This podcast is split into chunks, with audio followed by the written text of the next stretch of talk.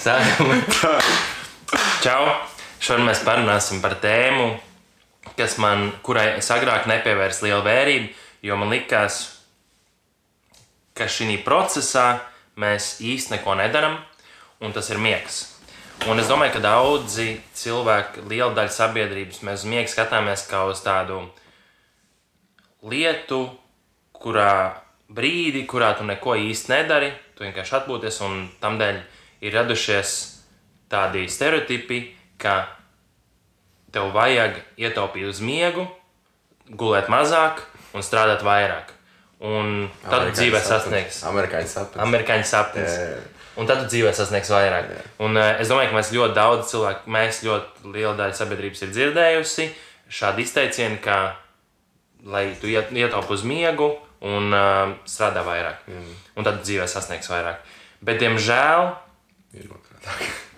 tā, tā nav. Protams, tu iegūsi tās pāris stundas, varbūt dienā samazināt uz miegu, Jā. bet tu zaudē daudz citas lietas. Un, um, lai mēs labāk izprastu, kas ir tās lietas, ko tu iegūsti vai zaudē mm. ar miegu, tad mēs esam izveidojuši šo podkāstu. Mēs ar Elvu esam izzinājuši miegu un mm. esam diezgan. Godīgi sakot, šī ir man uh, viena no mīļākajām tēmām miegs. īstenībā, jā. Un, jo es tik ļoti maz par to agrāk sapratu, ka tā katra lieta, ko es izzināju par miegu un sapratu, man atvēra acis un, godīgi teikšu, uzlaboja manu dzīves kvalitāti. Tam dēļ, ka es tagad man ir vairāk enerģijas, es spēju labāk apgūt lietas, un, um, Atmiņa labāk uzreiz arī Jā. automātiski. jā. un arī atjaunojos fiziski labāk. Jā. Ir tik ļoti daudz iegūmu no miega Un vēl ko es pieminēt, izskats arī. Izskats. Izskats arī. Ja tu esi, ka tur neesi izgulējies, tu sliktāk arī izskaties. Cilvēki arī uzreiz to jūt. Arī, kā, tā, protams, tu, kad tu neesi izgulējies, tu uzreiz redz, ka cilvēks nav izgulējies. Un arī, kad, kad neizgulētiem cilvēkiem mainās arī izskats, uzreiz arī mazāk cilvēki grib ar viņu runāt un socializēties. Okay. Okay. To tu jau no tā, tā kā mazāk enerģija, tu negribi pats runāt cilvēku, un cilvēku ar tevi negrib runāt, ļoti to tu esi tā kā tāds vientuļais. Tu neesi, pie, neesi pievilcīgs. Nē. Gan vizuāli, jā, jo man liekas, ka bija kaut kāds pētījums, kurā bija tieši pēc bildēm sprieda. Mhm. Jā, vot tas ir tas pēc. Pēc bildēm sprieda, jā, jā, cilvēks, kurš ir gulējis, un cilvēks, kurš nav gulējis. Un, uh, tad nesaistīt cilvēku nāca un vērtē tos cilvēkus pēc pievilcības. Mm. Un, uh, tie cilvēki, kur bija mazāk gulējuši, viņi bija Novērtēt, Jā. jā, jā daudz reizes. jā, nepievilcīgāki. Viena vien, vien nakts Mhm. ar mazāk miega, mm. zem septiņām stundām, ja nemaldos. O, cilvēkiem tas cilvēks neliktās tik fiziski pievilcīgs. Mm. Un, um, jā, un daudz prasa, pieņemsim, ko, ko šis vai ko tas dod. Tad uz miegu mēs nevaram atbildēt ar uh, vienu lietu, ko miegs dod, jo miegam tik tiešām ir ļoti daudz lietas, ļoti mm. daudz tie pozitīvie mm. iegūmi, uh, un miegs ir atbildīgs par ļoti daudz lietām. Jā. Viņam nav kā- tāds viens Kaut kā liekas, ka tas vispār ir miegs, un tu vienkārši, nu, tu vienkārši esi bezsmaņā. Jā, jā, man Kā ir. jā, kā jēga tā, ka kādas man tas ir jādara, vairāk jādara, īstenībā jāceļās kaut kas tā tālāk, bet tas interesanti īstenībā, ka šī bezsamaņa mums ir dod tik daudz attiecīgi benefits no tā visa. Mēs domājam, ārējo plusu. Tāpēc arī droši vien cilvēki Uzskata daudz tā. ā, veiksmīgi, ā, veiksmīgi cilvēki iesaka negulēt un noņemt no tā miega nost, jo jā. šķietam liekas, ka miegs tā ir tāda, tāda, tāda lieta, kurā tas, tas laiks, kurā tu neko nedari. zaudēt. Bet tā patiesībā. Mm.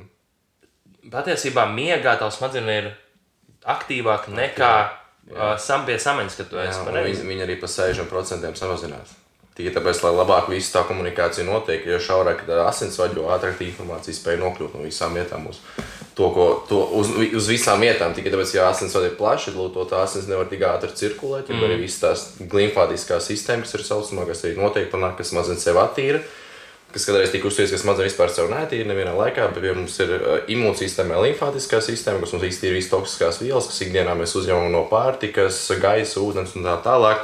Tas smadzenes ir tās, kas attīra sevi tieši tajā naktī. Tieši, kad tu esi atbrīvojies, ķermenis atbrīvojas savu imūnsistēmu, visi orgāni atbrīvojušies, un tad tieši smadzenes sev samazina nedaudz, samazina savu to arī temperatūru, arī tajā pašā mm -hmm. laikā smadzenes temperatūra arī tiek samazināta. Un līdz ar to tā asins cirkulācija spēja notikt, un arī attīrīšanās spēja notikt, to toksīnu attīrīšanās.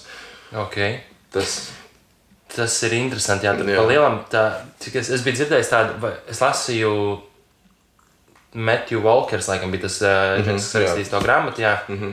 Un, Why we sleep. jā, vai Jā, ļoti ļoti, laba ļoti, ļoti, iesakām, ļoti, ļoti, ļoti varam labi grāmata. Un uh, viņš teica, ah, viņš man liekas, to podkāstā gan minēja pie Džona Rogana, ka pa dienu tu sevi tā kā traumē, mm -hmm. un ja naktī tu atjaunojies gan jā. smadzenes, gan fizisko ķermeni. Jā, tā jā, tālāk. tas tāpat kā zā- zālē, Jā. un tu pakačā bīts aiziet mājās, to kā lūdzu. Un tā ir paša laika, jau pa to nakti arī audz. Jo mums pa nakti ir izdalās vairāk augšanas hormonus, kas arī atjauno mūsu muskuļus locītavus un arī padara mūsu ādas skaistāk. Kur ir daudz cilvēku arī ir iedomājuši to, ka augšanas hormonus tikai visvairāk izdalās tieši tajā naktī. Un visvairāk ir izdalās periodā, kas ir no tiem desmitiem līdz diviem. Tajā miega periodā augšanas hormonus dubultā izdalās. Tāpēc pārsvarā saka par to, ka tas ir labākais laiks, kad aiziet jau aizmigt. Tajā pa- pašā laikā arī mums vair- visvairāk ir melatonīns izdalās tajā laikā arī. Un visvairāk melatonīns un visvairāk ir iegūstama augšanas hormoni. Sevišķi cilvēkiem, kas ir fiziskā slodzē, daudz nodarbojas ikdienā, vai nekam, kas ir sportists. Tas ir īpaši svarīgi tajā laikā aizmigt. Bet ne visi tomēr arī varēs, un ja nevar, tad tomēr arī vismaz ievērot kaut kādu noteiktu laiku, kad ir gulēt arī. Ir ļoti labi. Kurš bija tas laiks? No cikiem līdz cikiem? No desmitiem līdz diviem. No desmitiem līdz Jā, diviem. tad visvairāk ir izvēles melatonīns un augšanas hormons arī pārsvarā. jā. Un tas ir visiem cilvēkiem, tas cikls aptuveni Jā, līdzīgs. tāpēc, ka tas ir tā kā pulkstenis, mūsu ķermenis tā kā pulkstenis, viņš adaptējās līdz to tā kā dienas laikiem, attiecīgajām ķermeņa temperatūra mainās visu un tā tālāk, un tā viņš tajā laikā, jā, attiecīgi izdalās visu no to dažas vielas. Tas tā kā grūti izskaidrot, kāpēc tas notiek īstenībā, bet tas kā viss mūsu kā ķermenis ir savienots ar dabu un tā tālāk ar temperatūras maiņām un gaismām, un to viņš adaptējās pēc tā visa. Temperatūra un gaismas. Temperatūra, gaismas, jā, tā. Jā, nu, jā, un, protams, vēl citi uh, iemesli arī. Mm Mhm. -hmm. Kaut magnetiskā lauka, pieļauj un tā. Jā, vēl tas arī interesanti. Jā, kas arī tas kvantuma fizikā teikt, arī, jā, tas arī mums viss tā nāk līdzi. Ietvarās, kā piemēram, pilnmēnesis, kad cilvēki traki paliek, piemēram, kaut kur skraida un viss kaut kas notiek, un nekā nevar aizmigt arī cilvēku. Ne? Arī, tas arī ir dzirdēts, un to, tas ir kā, kā, kā kāds notiek, kā tas arī nav īpaši izpētīts un pierādīts. Arī, jā. Mums tas jāizpēta. Būs. Jā. Mēs tam tā ceļam. Tieši tā. Un tad varbūt uzskaitām, kas ir tās lietas, ko miegs. Ko, ja tev nav pietiekami miegs, mm -hmm. pietiekami gan laika ziņā, gan kvalitātes ziņā. Jo nebūt, būtiski ir ne tikai gulēt tās 7 plus stundas, es teikšu 7 stundas 30, jo mēs vēlāk ieslīgsim detaļās. Tad ir vidēji 8 stundas, 8, 9 stundas mm -hmm. miegs. Tam miegam ir jābūt nevis tikai tām noteiktām stundām, bet arī kvalitātei jābūt. Mm -hmm. Tā kā ja tur ārā trokšņo vai tu gulēji pa dienu, mm -hmm. tas miegs nebūs tik kvalitīvs, jo gaismas tev ietekmē, trokšņi mums Jā. ietekmē miega Jā, kvalitāti jā. un dažādi citi faktori, kur mēs jau bijuši vēlāk šī pašā mm -hmm. podkāstā iedziļināsimies. Jā, tur arī ļoti labi minējies, īstenībā galvenais ir kvalitāte, nevis kvantitāte. Ja, piemēram, iespējams, ja tu tie, tiešām tikai vari dabūt ikdienā arī 6 stundu gulēt, kas arī, ko mēs runājam arī pirm, tā kā pirmajā pusē ievadā, ka tas amerikāņu sapnis ir, ka tu mazāk gulēji vairāk darbu, bet pārsvarā tie cilvēki, kas to izsaka, viņi arī tās stundas, ko viņi tās maz guļ, viņi kvalitīvi guļ arī. Viņiem ir noteikts grafiks, ko kurā laikā viņi dara, ko kurā laikā viņi tā kā tu viņi nomierinās pirms mm. attiecīgās šīs tā kā iešanas gulēt, un viņiem ir noteiktas stundas, ko viņi darīs šajās stundās. Un, ne, viņiem ir attiecīgs laiks, ko viņi gulēt, attiecīgs laiks, ko viņi celsies, attiecīgās rutīnas, ka tu pirms miega, ko tu darīsi, ko tu piecēlies no brokastīm darīsi, aktīvi pakustēsies, pirms miega tu laiku gaismas un tā tālāk. Viņi to ievēro, lai viņi dabūtu tās kvalitīvas, tās 4 vai 5, 6 stundas. Un arī ir tā lieta, ka ir tomēr 0, bet tomēr ļoti mazs procents, kas ir tie fast sleepers, arī ātrie gulētāji, kas arī spēj ar to miegu, to, to deficītu, arī to, ma, to mazo miegu tā kā amplitūdu izturēt arī ikdienā, jā, kas ir 0,1% diemžēl. Jā. Jā, tas procents ar tiem cilvēkiem, kam ir tas specifiskais gēns, mm. uh, kas ļauj viņiem gulēt tās 4-5 stundas, mm. 6, kā, kur- kā no kuram droši vien, mm. bet tos, ko sauc, kā teicu, tos kā ātrie gulētāji, mm. tas procents ir tik ļoti mazs, ka tā iespēja, ka es vai tu vai kāds no skatītājiem ir šis mazais gulētājs, Metju Valkara grāmatā bija salīdzinājums ar, uh, ar zibens spērienu. Lielāka iespēja ir, ka tev dzīves laikā saspēr zibens nekā, nekā tas, ka tev ir šis gēns un tu esi ātrāk gulētais. Tāpēc Jā, tāpēc, visticamāk mums vajag gulēt tās Jā. noteiktas stundas un jā. Jā, to visu. Protams, varbūt tu esi tas, varbūt tu esi tas. Jā. Bet es, es jūtos, ka es neesmu tas. Es arī jā, man vismaz vajag 7, 7, 7,5 stundas. Jā. Jā. Es kļūstu īgans pēc sešām ap Jā, jā, un tas ir jā, ka tu neizgulēsi tu vispār. Tā kā, nu, tā kā neesi spējīgs uz neko. Tu, tu gribi tikai to, ko tu gribi darīt. Tas ir tikai tīri apsēsties, neko nedarīt, ēst ļoti daudz, vēl tajā pašā Jā. laikā. Ko mēs arī iegūstam no to, ka mēs neizguļamies kārtīgi. Mums uzreiz palonās šie divi hormoni, kas ir leptīns un grelīns. Tad leptīns saka, beidz ēst, esmu paēdis. Grelīns saka, Nē, es neesmu paēdis, turpinājis. Mm -hmm. Un ir tā, ka tu neizgulēsi vienu naktī, uzreiz grelīns paaugstinās un leptīns samazinās. Vēl to tev no smadzenēm nav signāls, lai tu beidz ēst. Bet, tu, bet tev visu laiku saka, turpinājis. Bet ir tā, ka tu neizgulēsi, tu arī gribēsi visu laiku. Un tur arī prasās arī vairāk arī tās lietas, kas tev to labsajūtu, tūlīt jau tūlīt enerģiju dos, kas ir Jā. cukurs, ne? arī glikos, saldums. Tas labi savākas arī kaut kādā mērā ar mūsu iepriekšējiem podkāstiem, ka viens ir tas, ka tu teici leptīns un grelīns, mm. tad tev nav tas hormons, kas saka, pietiek, tev ir tas hormons, kas saka, es gribu vēl ēst. Un vēl tas, ka tev ir maz enerģijas, un tajā brīdī, kad tev ir maz enerģija, tu vēlēsies vairāk enerģijas, mm. un tad tev ķermenis saka, un visticamāk, teiks, vairāk metīs acis uz cukuru nekā uz kaut kādu kvalitīvu pārtiku, un tu mm. mēģinās sev kompensēt to enerģijas trūkumu mm -hmm. ar neveselīgām alternatīvām. Jā, un vēl, kas ir tas pats tā kā tāds kā pateikt, tāds ne tas labākais no tās visas puses ir tā, ka mums arī samazinās šī insulīna jūtība. Kas mm -hmm. tieši uztver to glikozi, tieši uztver to cukuru, kas tev nāk iekšā, to visu uzņemtais cukurs tiek uzkrāts, nevis apstrādāts un dots. Jo insulīns mums ir kā kurjeris, kas piegādā glikozi, kur ir nepieciešams muskuļiem vai visiem asinsvadiem un tā tālāk, lai viss process notiek. Tie arī ķermenis vienkārši to spēj izmantot, nevis tīri uzkrāt un jā. paglabāt. Jā. Tieši tā. Tad mēs jau tādā sāk pieskārāmies, un mēs sākam ar tiem negatīviem, negatīviem lietām, kas notiks tajā brīdī, ja mums nebūs tas kvalitīvais uh, 8-9 stundu miegs.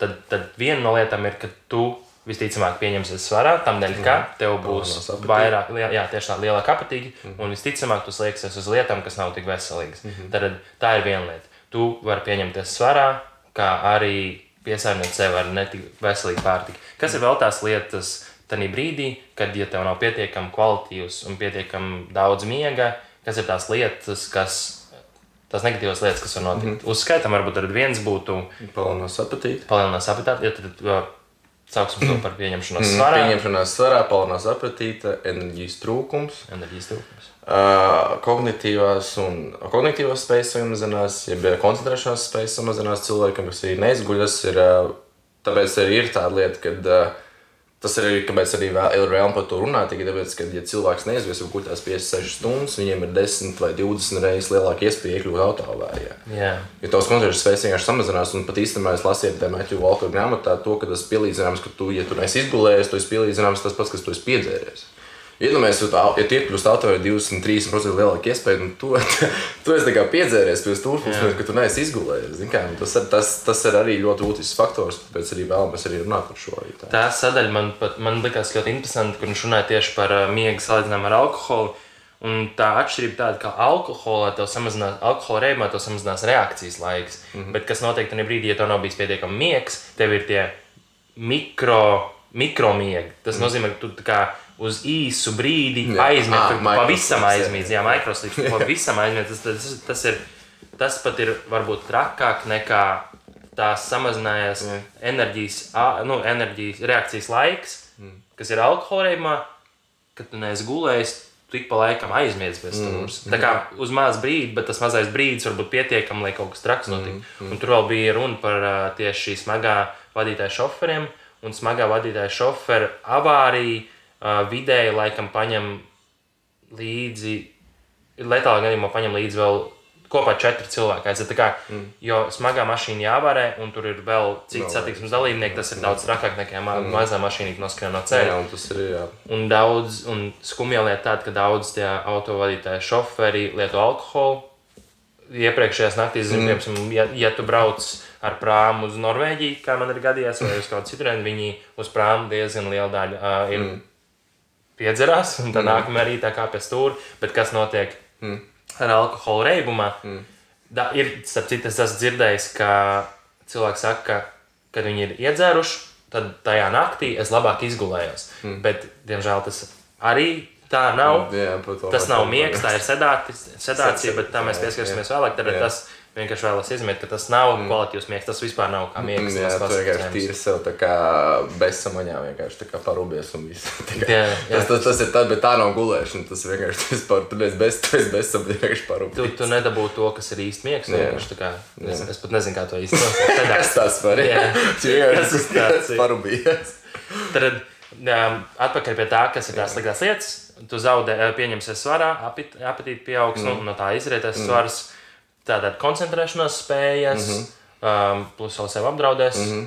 Ko vēl mēs minējām, enerģija. Jā, un arī ir tā lieta, ka arī samazinās šī tauka oksidācija, piemēram, kas ir vēl viens būtisks faktors, kas ir tauka dedzināšana. Jo pa nakti ir tā, lai mums notiek šī tauka dedzināšana. Jo pa dienu, ko mēs darām, mēs darbojamies, to mums enerģija jāpiegādā, un tad mēs to, to kā par nakti ir tieši tas pats, piemēram, kad tu aizies uz zāli, sakačājies, tu pa nakti tikai audz. Tas ir recovery process, ir atjaunošanas process, kur organisms pieķerās visām lietām, sabūvēs, tur saliek visu pa vietiņām, tur uzbūvē viņu spēcīgāk tajā pašā brīdī. Un arī tas, ko to, tas kaloriju deficīts, ko tu esi radījis pa dienu, ja tu vēlēsies samazināt, piemēram, svaru, ko arī cilvēki dara. Tas nebūs pietiekoši efektīvs, ja tu neizgulēsies. Tikai tāpēc, mm -hmm. ka šī tauka oksidācija, tauka dedzināšana tieši notiek pa nakti reāli. Tauka oksidācija tauku oksidācija, tas vārds oksidācija mm. pats par sevi pasaka, ka priekšā laikam tu taukus neizsvīst pareizi. Mm -hmm. Tu viņus izelpo. Jā, izelpo. Un tas ir tas, tas, tas, jā. Ir, Tas ir tā, kā tas, tas var būt. Un tieši tā, un tas, un tas naktī, kā teicu, notiek visvairāk pareizi. Uh, nak, guļot, tu visvairāk tos taukus izelpo, tad mm -hmm. tu visvairāk notiek pa nakti. Jā, jā. Tas ir kaut kas tāds, ko man ir ļoti grūti aptvert, mm -hmm. bet es turos pie tās domas, un tas ir viena vien no lietām, ko es, tā kā saka, man kāds cilvēks prasa par notiešanu, es saku, nu, pirmkārt jau viena no lietām, pie kā ķert pat galvenā lieta ir tad miegs, jo, jo tad tev pirmkārt samazinās apetīti, tu vairāk oksidēs tauks, kas ir notiešana. enerģija arī vairāk, tu gribēs arī kustēties, jo neizgulējies, tu vienkārši gribēsi sēdēt. Bet Vēl ko es gribēju pieminēt, ir tāds pētījums arī veids, kad bija salīdzināts tie cilvēki, piemēram, jā, protams, tas kaloriju deficīts ir, to tev tik un tā teikt, tev kaut kā degs un nenotiks tā oksidācija, ne? Bet uh, ir tā lieta, ka cilvēki, kas gulēja tās 8,5 stundas, viņi samazināja tikpat tauku daudzumu lielu, kā Tie cilvēki, kas dabūja tas 5 stundas, bet ir tā lieta, ka tie, kas gulēja 5 stundas, viņiem bija vairāk apetīts. Mm. Un otrais faktors, viņi samazināja ne jau tauku masu, bet muskuļu masu. Mm -hmm. Tieši tā, un tas ir tāds aburtais lokus. Yeah. Tu gribi, pie, tu gribi, un muskuļus mums vajag, yeah. ko mēs runājam, man liekas, kustības podkāstā. Mm -hmm. Ko tev muskuļi ļoti, tā atkal ir citiem, tas ir ļoti būtiski. Tev yeah. tur dzīvība, mm. jauna enerģija mm -hmm. un tā tālāk. Mm -hmm. Bet tas ir tāds ka daudz cilvēki, ja vēlās samazināt svaru, skatās uz to ciparu, ko rāda tavs svars. Mm -hmm. Bet tajā brīdī, ja tu gultās 5 stundas, kā rezultātā tev nokritās tas cipars, mm -hmm. bet tev nokritās nevis tas, ko tu gribēji, kas ir tas tauku procents, bet gan muskuļi, Muskuļi, kas atkal palīdz tev dedzināt tā. Un dod tev enerģiju, jaunību un tā tālāk. Mm -hmm. Tāpēc... Jā, tu vienkārši sanāk ar gulēšanu, vienkārši sev nobendēt. Sanāk, plus mīnus samazina muskuļu masu, muskuļi tev liek kustēties. Jā, regulēšana. Jā, tev samazina to muskuļu masu, to tev ir mazāk ir enerģijas, jo tur ir tie insulīna receptori arī, kas uztur attiecīgi enerģiju. Tu aptaukojies lietoji, tev samazinās muskuļu masu, nav insulīna receptori, tauku vairāk uzkrājās. Vēl tā liek, ja tev nav muskuļu masas pietiekoši, tu arī negribi kustēties arī mm -hmm. savā ziņā. Tāpēc arī cilvēkiem, kas ir uz vecumu, pēc 40 gadiem ir sarkopēnija, kas ir muskuļu masas samazināšanās, tāpēc viņi ir nevarīgi, nevar pakustēties, noguruši. Un to arī ir ir tas, ka tu nededzinās tos taukus, jo ar kustību mēs dedzināt taukus. Teicim, tas ir kaloriju, kaloriju, kaloriju deficīts, ar ko mēs varam izveidot arī no tā visa. Ok, tad um, vēl viena lieta, ko es atceros, ir. Tad tu teici, fokus mm -hmm. un jebkāda veida kognitīvās spējas, tev mm -hmm. uzlabo, vai tā brīdī nav pietiekami, samazina. Un viena no tām lietām ir atmiņa. Mm -hmm. Jo miegs ir tas, kas tev smadzenē pa lielam ieraksta. Jā, ieraksta. ieraksta. Jā, tas sanāk. Jā. Un vēl to apgūto informāciju mm. izmēģina ar iepriekš apgūto informāciju, un tev rodās kreatīvas idejas. Mm -hmm. Un tajā brīdī, ja tu ne, tev nav pietiekami kvalitīvs miegs, mm -hmm. un mēs runāsim, kur miega fāze un kurā stadijā tas visvairāk notiek, mm -hmm. tad, ja tev šis nav, tu neieraksti savā atmiņā, ja tev nav tas kvalitīvais miegs bijis. Tu vienkārši neatceries. Un man liekas, tur bija salīdzinājums tieši tajā pētījumā, Metju Volkera grāmatā, zem septiņām stundām un astoņas plus stundas. Mm -hmm. Un cilvēki apguva vienu to pašu informāciju, un tie, kur gulēja tās 8 plus stundas, mm -hmm. tie atcerējās par 50% vairāk nekā tie cilvēki, kas gulēja 7 vai mm mazākas. Tad, yeah. tas, ir, tas ir ļoti daudz, mm -hmm. un tas mm -hmm. ir arī prātam neaturam. Un kad es šos visus faktus no viņa grāmatas dzirdēju, man bija tāds, es miegu tur dievu vietā. Es mm -hmm. tiešām kad man ir situācija, kad man jāsamazina miegs mm. vai kaut kas cits, tad bieži vien gribās pasēdēt ilgāk pie datora un pastrādāt darbu, bet es tagad esmu mainījis un cenšos joprojām mainīt mm -hmm. to, to, kā es skatos uz miegu, un es cenšos tomēr miegu un darbiem, un es mm. cenšos tomēr labāk, es ieguldīšu miegā to yeah. vienu ekstra stundu. Mm. Un darbus tad es spēšu ātrāk, ātrāk un izdarīt, produktīvāk paveikt tajā nākamajā dienā vai tajā nākamajā brīdī, kad man būs. Jā. Un tomēr ziedot to laiku miegam. Ja tur būs enerģija, to vispār darīt kā tādu. Tāpēc arī miegs ir tāds svarīgs, kas mums visiem būtu jāievēro. Un, ja tu to zini, ja piemēram, tu izlasīsi šo grāmatu, apzinājies to, tu to tu spēj, kā, tu, tu rīkojies. To. Bet, ja tu neapzinājies, ko tas miegs dod, vispār, kāpēc man vispār jāguļ, kāda jēga no tā visa, un ne, tad tu arī nerīkojies, tu neko mm. nedari.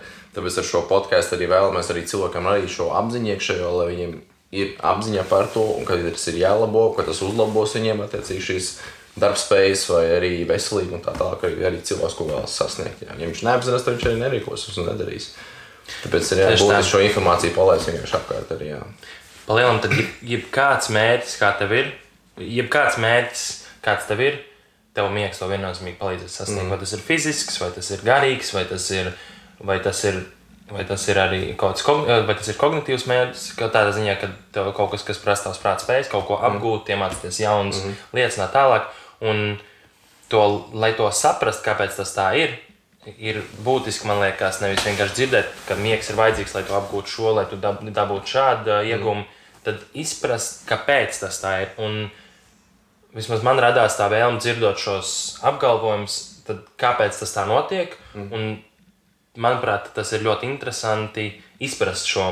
Tad kā tas miegs sastāv, kādām, kurš, kurš, kur miega fāze atbild par ko. -hmm. Un izprotot to, tu labāk spēj sev dot to kvalitīvo miegu. -hmm. Un, un, un tajā brīdī, kad tev ir tā izpratne par to, kāpēc mm. tas tā ir, manuprāt, ir liela, vēl lielāka motivācija. Jā, tu saproti, kurā brīdī tev tas konkrētais miegs, jā, dod, konkrētā dod, miega fāze tev dod jā, konkrēto ieguvumu.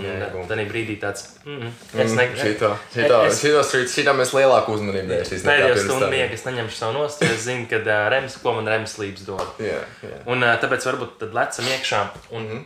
izstāstam par to, kā, kā miegs iedalās. Mm -hmm kas ir miega fāzes, kas ir REM slīps, kas ir non-REM slīps, mm -hmm. lai radās tā izpratne cilvēkiem par to, ko katra no šīm fāzēm dod. Mm -hmm. Un tad gala rezultātā, kā mēs varam uzlabot to miega kvalitāti. Tur ir divas miega fāzes, tad uh, REM slīps un uh, NREM slīps. NREM slīps. Uh, tad Latvijas to varētu iztulkot rapid eye movements un uh, non-rapid eye movements. Tas nav Latvijas, ir angļuiski.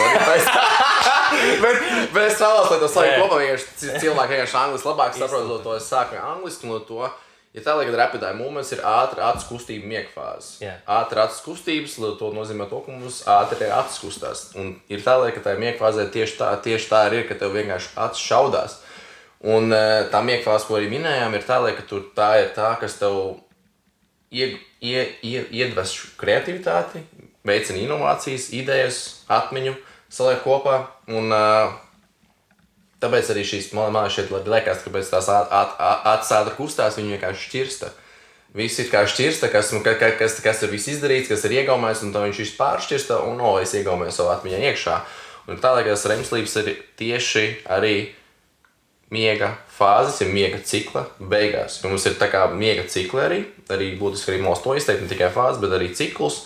Uh, ir tā, ka mums ir miega cikls 90 minūtes, un uh, šie miega cikli vismaz ir pārsvarā mums savācams tie 4, 5 un 4 miega ciklos ir tā, lai, kad ir vairāk šie, pirmajos divos, trīs miega ciklos, kas būtu 4, 5 stundas, tas būtu vairāk to dziļais miegs, tad man nerepetāja moments.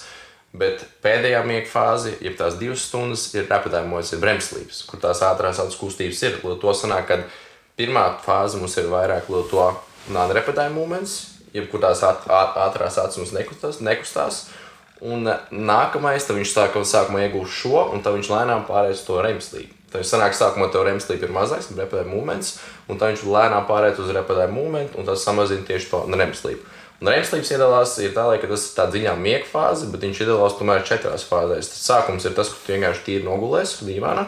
Un sāc iemigt, kas ir pirmā, pirmā fāze. Nu, sāc vienkārši tur tā kā lēnām, tur visu laiku notiek. Sanāk, tā kā tādā diedusiņā, es tādā minimālā daydreamīgā sanāk. Mm. Tā kā pusiemīļs sanāk, bet tu tomēr dzirdi visu, kas notiek apkārt tālāk. Otrā fāze, tu esi nedaudz īmis, bet tomēr spēj tomēr saprast, kas notiek. Ja kāds troksnis būtu, tad tu piemostos, ja būtu gaismas, tad tu uzreiz arī ātri Mhm. uzlikt augšā. Bet trešā, ceturtā fāze ir tā dziļā miega fāze. Un tā dziļā miega fāze ir īpaši svarīga, ko mēs arī minējām, kur izdalās šis augšanas hormons sfērā. Tad non-repetitive moments ir tur, kur augšanas hormons slēdz, tad to tas atjauno mūsu ķermeni, atjauno mūsu muskuļus, visādu, visu asins plūsmu pār ķermeni, orgāns arī atjauno iekšējos mūsu. Ne? Un remslīps ir nepieciešams, lai attiecīgi šo informāciju, ko mēs iegaumējam, kas ir vēl to vairāk svarīgāk smadzeņu darbībai, kas mūsu informāciju visu iegaumē.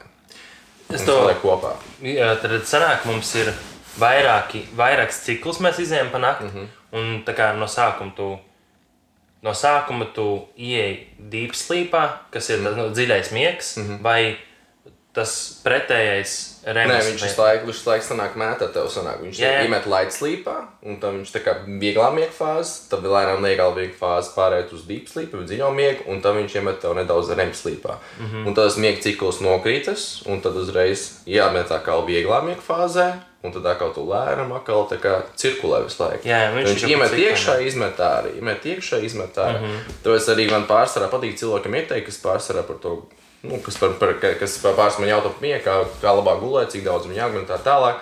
Es viņam saku, izskaidro, cik ciklus vienkārši. Izskaidro, cik ciklus uz spēja iemigt, piemēram, un saskaidro 5 miega ciklus, lai tev sanāk. Piemēram, ja tu ej gulēt desmitos, tev būtu jāatceļas pēc 5 miega cikliem, kas būtu 7,5 stundas. Tas tāpēc, ka viens cikls ir 9 9 minūtes minūtes, vai pusotru stunda. Pusotra stunda, ja tu piesmiet ciklus izgulēsi, 7,5 stundas, tāpēc arī es neiesaku tās 8, 9 tā tālāk.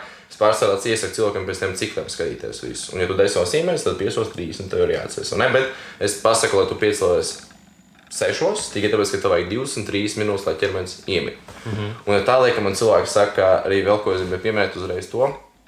Ko es arī lasīju Ma Michael Brajus grāmatā, kas ir amerikāņu zinātnieks, speciāli tā kā visāds atlēs, trenē, tieši miega dakteris viņš ir tieši koncentrēts tieši tīri uz miega. Un uh, ir tā lieta, ka viņš arī izteicās par tiem miega cikliem, lai cilvēki ievērotu un tīri skatās līdzi. Sevišķi tiem cilvēkiem, kam tās dzīves ir tāds, kāds ir, un vienkārši saraustīts un tā tālāk, kas nespēja vēl to, to visu to 5 stundas iziet, iziet tam visam cauri. Tad viņš saka, vairāk ievērot tos attiecīgos miega ko balansēt. Un vēl iesaistītos ikdienā, piemēram, ja tu neizgulēji to vienu miega ciklu pa vakaru, tu viņu iesaisti dienā, piemēram, iekšā. Tu ielaisti 90 minūšu ciklu pa dienu, tā kā dienas puses mm -hmm. mīnus, lai atjaunot, ja dabūtu to miega ciklu vismaz apakaļ, piemēram, kā tādi. Jā. Tas arī interesanti, ka tu kā dali tieši to miegu pa tiem cikliem. No to tev sanāk, ka tu labāk spēj saprast, cik, tev, cik, tu, cik, cik miegs, cik tu spēj iziet un cik tu varēsi vispār. Tā kā, nu, mm -hmm. atkal Jā, ka- pareiķināt. Tāpēc tu teici, tu neatbalstās 8 stundas miegu, tāpēc, ka tādā brīdī, ja tu rēķini 8 stundas, tad mm. sanāk, tu tā kā 7,5 stundas mm. sanāk, cik cikli, uh, tas ir 5 Pieci- cikli, tieši, cikli, jā. tieši 5 miega cikli. Mm. Tad, ja tu rēķini 8 stundas, tad sanāk to pusstundu, jau esi 6 miega ciklā, un tu šo modinu augšā, Jā. kas nav labi. Un tad tu, tad, tad tu esi vēl projām tajā ciklā, tāpēc ir tā, ja tu piemodies un tā kā jūt, nejūties labi, tad iespējams tu esi tajā, tajā dziļajā miega fāzē vai kādā ciklā iekšā, un no to tu pēc stundas divām tikai spēj operēt, tāpēc, ka tu tagad izē- izēji tikai ārā no tā cikla. Un tad tikai var spēt kaut ko darīt un rīkoties. Mm -hmm. Tāpēc ir svarīgi tos miega ciklus salikt tā, ka tev sanāk, ka tu piemodies, tu jūties mošs un uzreiz gatavs darīties. Protams, uzreiz nebūs tā, ka tev uzreiz būs tūlītēji, bet pēc desmit minūtēs mums būtu jau jābūt gatavam, enerģiskākam, piemēram. Jā.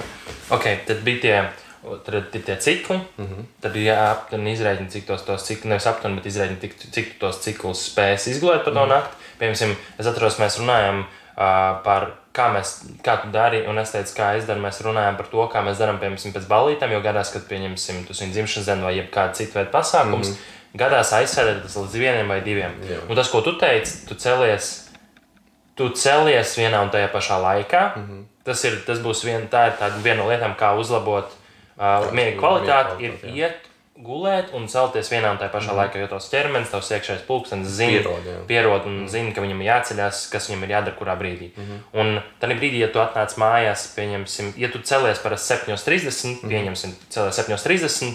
Tad, lai tev būtu tās 7,5 stundas, tev būtu jāiziet gulēt 12. Bet mm. tu šoreiz atnāc mājās vienos. Mm -hmm. Tu teici, ka tu pagaidīsi vēl to pusstundu, mm -hmm. lai tu paspētu līdz tam 7,30, tad iziet 4 ciklus. Četras Šī ciklus, 5 jā, jā. ciklu vietā tu šoreiz izies 4 ciklus. Mm -hmm. Tas ir kā tu skaties. Jā. Tu rēķini ciklus, nevis stundas. Nu, Jā. abas divas tu salīdzini, mm -hmm. protams, bet uh, pa lielam tu skaitos ciklus. Jā. Lai tu nepamostos ciklu Jā, vidū. un- ne ciklu vidū, jā, un neizaugt to bioloģisko attiecīgo laiku. Tāpēc arī ritmu. cel- ce- ceļos tajā vienā arī laikā. Jā. Un, piemēram, tajās dienās, kad man tā iznāk, ka es nespēju izgulēt, vai mums tas balīts notiek vai kaut kas cits, iekavējas mums dzīves ir izsācis un ceļš šodien, mūsdienās. Tāpēc es ceļos vienā laikā, un tāpēc arī eju gulēt arī tajā laikā, kas ir tas, piemēram, tas 1,30, nevis 1, tikai tāpēc, ka es dabūšu 4 miega ciklus. To man nebūs tā, ka es izaugšu šos miega ciklus un nepiecelšos to, ka es būšu tajā citā miega ciklā, mm -hmm. miega fāzē. Un šo arī var izmantot arī cilvēki. Viņi ierodas kaut kad vēlāk panākt mājās, piemēram, un tad viņi paskaidro, cikos, piemēram, labākais būtu iet gulēt, tad man piecēlās šai laikā. Un tad, lai to viņi arī izreikinātu un fokusētu uz to, lai to vismaz dabūtu tās kvalitīvās stundas, nevis iet dziļāk vai arī mazāk. Un, ja tev sanāk tās mazākas stundas, es pārsvarā daru tā, ka es paņemu, pa, piemēram, pa dienu dienas. Piemēram, mm -hmm. kaut kādā laikā noteikti. Un interesanti tas, ka labākais dienas var ņemt no vieniem līdz četriem. Tas, tas kaut kādā sajiet ar to siestu kopā. Es dzirdēju, ka Spānijā ir tās, tās dienas laiks, ka viņi speciāli ņem tās dienas, kas arī ir šis laiks. Un ir tā lieta, ka mums arī enerģija dips, arī, arī enerģijas līmenis sāk samazināties šajā laikā. Tad arī cilvēki arī pārstāv, tāpēc arī šajā laikā ķerās pēc kafijas, beigas un tā tālāk. Un viss notiek, lai būtu enerģija viņam vairāk. Viņi spēja turpināt, un tāpēc šo laiku arī pārsvarā tajā dienas laikā, kad man tas piemēram sanāca to mazāk gulēt, es ielieku to dienu uz iekšā tajā, tajā ciklā, tie ir no vieniem līdz četriem, pārsvarā divos to saglabāju. Un es kaut kādā 23 minūtes pārsvarā, vai arī vienu miega ciklu izaicinājums, kas būtu pusotru stundu, ja man ir laiks tajā dienā. Ja nē, tas paņem divas minūšu. Kāpēc divas minūtes? Tikai tāpēc, ka lai es neietu dziļajā miega fāzē, es tikai tīri ietu tajā mieg, vieglajā miega fāzē, bet nepārkāpu tajā robežai pāri. Mm. Un ir tā, lai arī pētījumi, kas tika NASA veikti, kāpēc arī tieši sāk izmantot to. Šie cilvēki, kas paņēma to 20 minūšu dienas, viņi spēja 100% vairāk uzreiz operēt labāk. Viņiem 100% uzlabojas koncentrēšanās spēja, 100% atmiņas, 100% spēja reaģēt. Salīdzinot ar cilvēkiem, kas nepaņēma to dienu. Mm. Tu tikai ar to 20 minūšu ciklu uh, uzlabo uzreiz dažreiz par 100%. Un tāpēc arī citreiz izmantoju pat dienās, ka es esmu izgulējies, bet ka es jūtu, ka es pārāk daudz daru, vai man pārāk daudz datora jāstrādā, grāmatas lasīs, ļoti daudz informācijas, nespēju apgūt vairāk, nenāk nekas prātā vairāk. Es vienkārši paņemu 10 minūtes, noguļos, uzlieku savu slīpīgu masku vai arī to acu masku, lai man gaismas nebūtu nekur apkārt. Uzlieku airplugus, ausis sāģoši iebrauc iekšā, lai es nedzirdētu nekādas skaņas, kas arī ir svarīgi, un lai es spētu iemigt. Un tad es vienkārši dodos gultiņā, uzlieku sev spilventiņu un aizmiegu uz kādu mm -hmm. minūti. Kaut arī pārstāv cilvēks saka par dienasam, o, es nevaru iemigt, bet tev nav jāiemigt. Tev nav jāiemigt pilnībā, un ja tu vienkārši tev tīri jāatpūtina prāts. Tas arī viss, tāpēc, ka es pārstrādājies esmu, un vienkārši tīri ir jāatpūtina mm. prāts, ieļauj vienkārši viņam ģenerēt informāciju, viss salikt kopā smuki. Tāpēc arī miegs ir svarīgs, tāpēc, ka tajā laikā tieši tā tās ir tā atpūtam prātam, ka viņš var būt gatavāks nākamais ņemt un atkal darīt tā kā. Viņi restartē. Mm, nestartē viņu automātiski, jā. Es zinu, ko es gribēju tev prasīt par. Um, mēs runājam par tām miega fāzēm, un kā mēs tur rēķinām tās 7,5 stundas, pieņemsim 7,5. Mm. Tad um, kā ir ar iemikšanu? Tu iemikšanu ierēķini tajā, pieņemsim, ja tās būtu 20 minūtes iemikšana. Mm. -hmm. Tu tā kā izrēķini, Jā. vai tas ir tajā laiks, tā kā mm. laikslīd, tajā vieglajā, vieglajā mm. miega fāzē. Tas iet, tur ir tā iemikšana. Mm. Vai tu tomēr, kā, pieņemsim, ja tu gribi gulēt 7,5 stundas, tad tu pierēķinās to, pieņemsim, pusstundu klāt. Mm -hmm. Kā, kā tu Tos, es pārstāvu tos 23 minūtes pierēķinu klāt, ko es arī Ok. okay. gribēju arī pieminēt. Arī, jā. Uz timeru tu liec tās, tās 8 stundas tikai tāpēc, ka pusstunda ir kā iemikšana. Jā, tā pusstunda, Ok, okay, divas minūtes tā. iemikšana. Un arī, ko es arī vēlos minēt, ka es arī stāstīju nedaudz un aizstāstījos, un nepaies līdz galam, ir tāda lieta, ka, ja tu, piemēram, pārstāv cilvēku, saka, kurš ļoti labi guļus, es aizmigt mierīgi, var čīlā aizmigt. Var.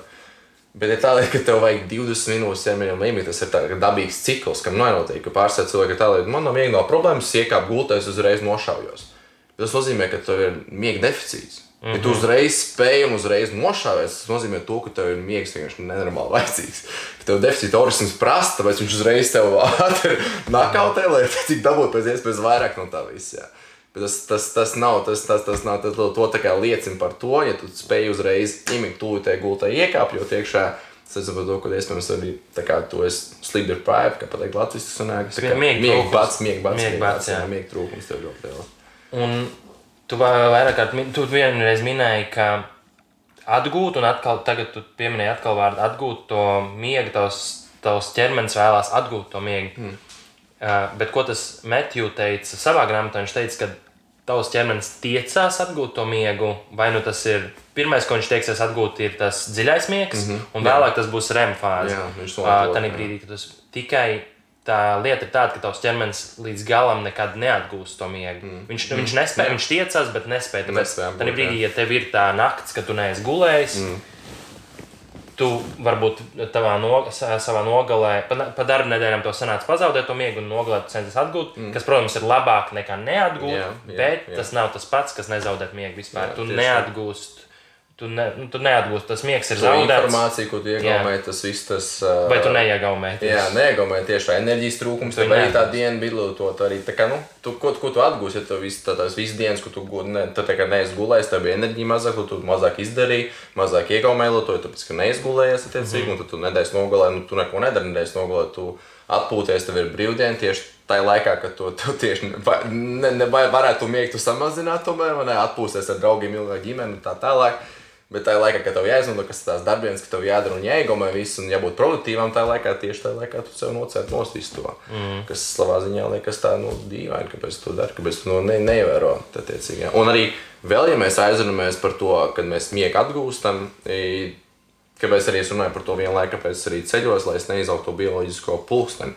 Jo tā, ka pārsvarā cilvēki nostrādā visu to nedēļu, ceļās 7 no rīta, un pēc tam nedēļas nogalē viņi ceļās piemēram 10, 12 vai gultā paliek līdz 4, 3. Gultā nedrīkst palikt. Tas ir pirmkārt, tev uzreiz ir jākāp no gultas ārā. Gultu ķermenim ir jāsignalizē, ja jāasociē tikai ar gulēšanu. Tad nedrīkst vienkārši vārtīties, spēlēt telefonu un tā tālāk. Tāpēc arī iespējams arī par nakti tev būs tā, ka tu ies gultā un tu sāksi vārtīties un neko nespēsi izdarīt. Tas ir ķermenis neasociē šo priekšmetu ar miegu. Bet tev mm -hmm. to tev ir tā kā Istabai visai jābūt klusai, jābūt bez elektronikām, vispār arī ar aizskariem melniem. Pilnībā nekas nav pienākams. Arī, iespējams, ja temperatūras var iespējams varam regulēt, tas ir pats ideālākais vēl variants, kad divas, ja, arī, ko es skatījos, arī tā miegs, mieg, miega, kā pateikt, National Sleep Foundation, tad uh, Nacionālā miegu biedrība, asociācija, biedrība, asociācija, foundation, tā iztūkot arī. Viņi iesaka, lai būtu tā temperatūra istabā būtu no 15 grādiem līdz 19 grādiem aptuveni. Nu, to mums tā kā īstenībā jābūt tajā augstumā vienmēr jāguļ. Un arī īstenībā tas tā temperatūra ir būtiskākais, kas mums tā kā ļauj iemigt. Tikai tāpēc, ka, ja temperatūra ir mazāka, tad ķermenis tā kā arī ir tā, lai ka ķermenis arī samazina temperatūru naktī, lai mums vairāk tieši melatonīns izdalītos mm. un mūsu miega fāze spētu ātrāk sākties un spējam to iemigt. Bet par to, ko es vēlēs runāt par to, ka neasociējam gultu ar to miegu, tikai tīri tas, ko mēs kāpjam ārā no gultas un nevārcamies, bet ko es to, ka aizrunāju par tām temperatūrām. Bet, ko es gribēju pateikt, ir tā, lai, kad mēs neguļam tajā sestdienā, sēdē, mēs cenšamies arī celties arī plus mīnus tajā, tajā laikā, kad mēs arī darbdienās ceļamies. Mm -hmm. Jo tā lieta, kad iespējams arī jūtams, ka pirmdienas, oh, tās pirmdienas vispār, nu, neko nevaru izdarīt vispār. Tikai tāpēc, ka tu esi izjauts to miega ciklu, ķermenim atkal ir plānām tas pulkstenis jāpārliek atkal, mm. un trešdien cilvēks jūs, oh, gatavs darbam.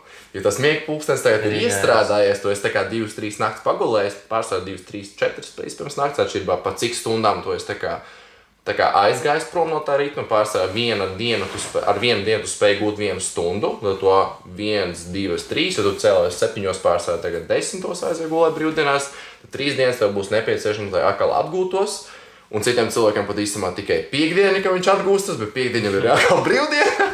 un tad atkal mēs zaudējam īsi ienākumu uzņēmumu, aiziet pa grīzi, tikai tāpēc, ka mans darbinieks nav izgulējies. Tas ir ļoti svarīgi īstenībā. Ja tāpēc, ka arī labs sajūta cilvēkam būs lielāka darbība, lai to viņš būs izgulējies, lai to vairāk spēs izdarīt. Kas arī uzņēmējiem visiem būtu jāinteresējas, ja cilvēks kā viņš guļ un kā viņam produktīvāk iespējas to padarīt, lai viņam, lai viņš spētu arī darbā to visu izdarīt, iekomēt un būt produktīvs. Tieši tā, ja cilvēks nespēja fokusēties darbam, mm. viņam nav enerģija, nav labsajūts, tad tas darbs gala rezultātā nav mm. tik kvalitatīvs. Tas aizņem daudz vairāk laika, yeah. ir daudz vairāk kļūdas. Jā. Un Metju tieši runāja par to, ka viņi iet uzņēmumos un skatās un statistiski pēta, ko miegs dara, mm -hmm. kādas, kāda ir tā plaisa, tā plaisa starp to, ja cilvēks ir izgulējies un cilvēks nav izgulējies, kāda ir tie, ko tā plaisa dara, cik liels iegūms ir uzņēmumam. Viņi pat skaitļos bija izreikinājuši, cik mm. milzīgi, milzīgi ieguvumi ir tādā brīdī, ja tos darbinieks ir izgulējies un kā, piemēram, Google viņiem ir. viņiem ir tās neprūmas, vai kā viņas sauc, Jā, tā kā, kur jā. guļ, jo tie, tās kompānijas tik tiešām ņem uh, tur augst, augstā mm. vērtībā pētījums un mm. redz, ka tās izgulēšanās mm. un tās diendusas un miega kvalitāte palīdz viņu uzņēmumam, viņu darbiniekam būt produktīvākam, Jā. līdz ar ko viņu uzņēmumam nopelnīt vairāk.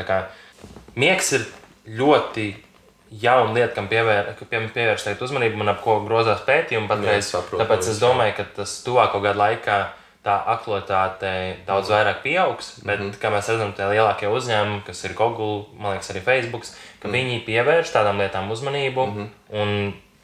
Skatās, pēta, lī, skatās līdz darbiniekiem, mm. pēta to un tos pētījumu spēki ieliek savā uzņēmumā Jā, un testē. un, un testē, kā tas mm. viņiem strādā, kā nestrādā. Un, mm. nu, kā redzam, viņi to ir ie, ie, ielikuši savā, mm.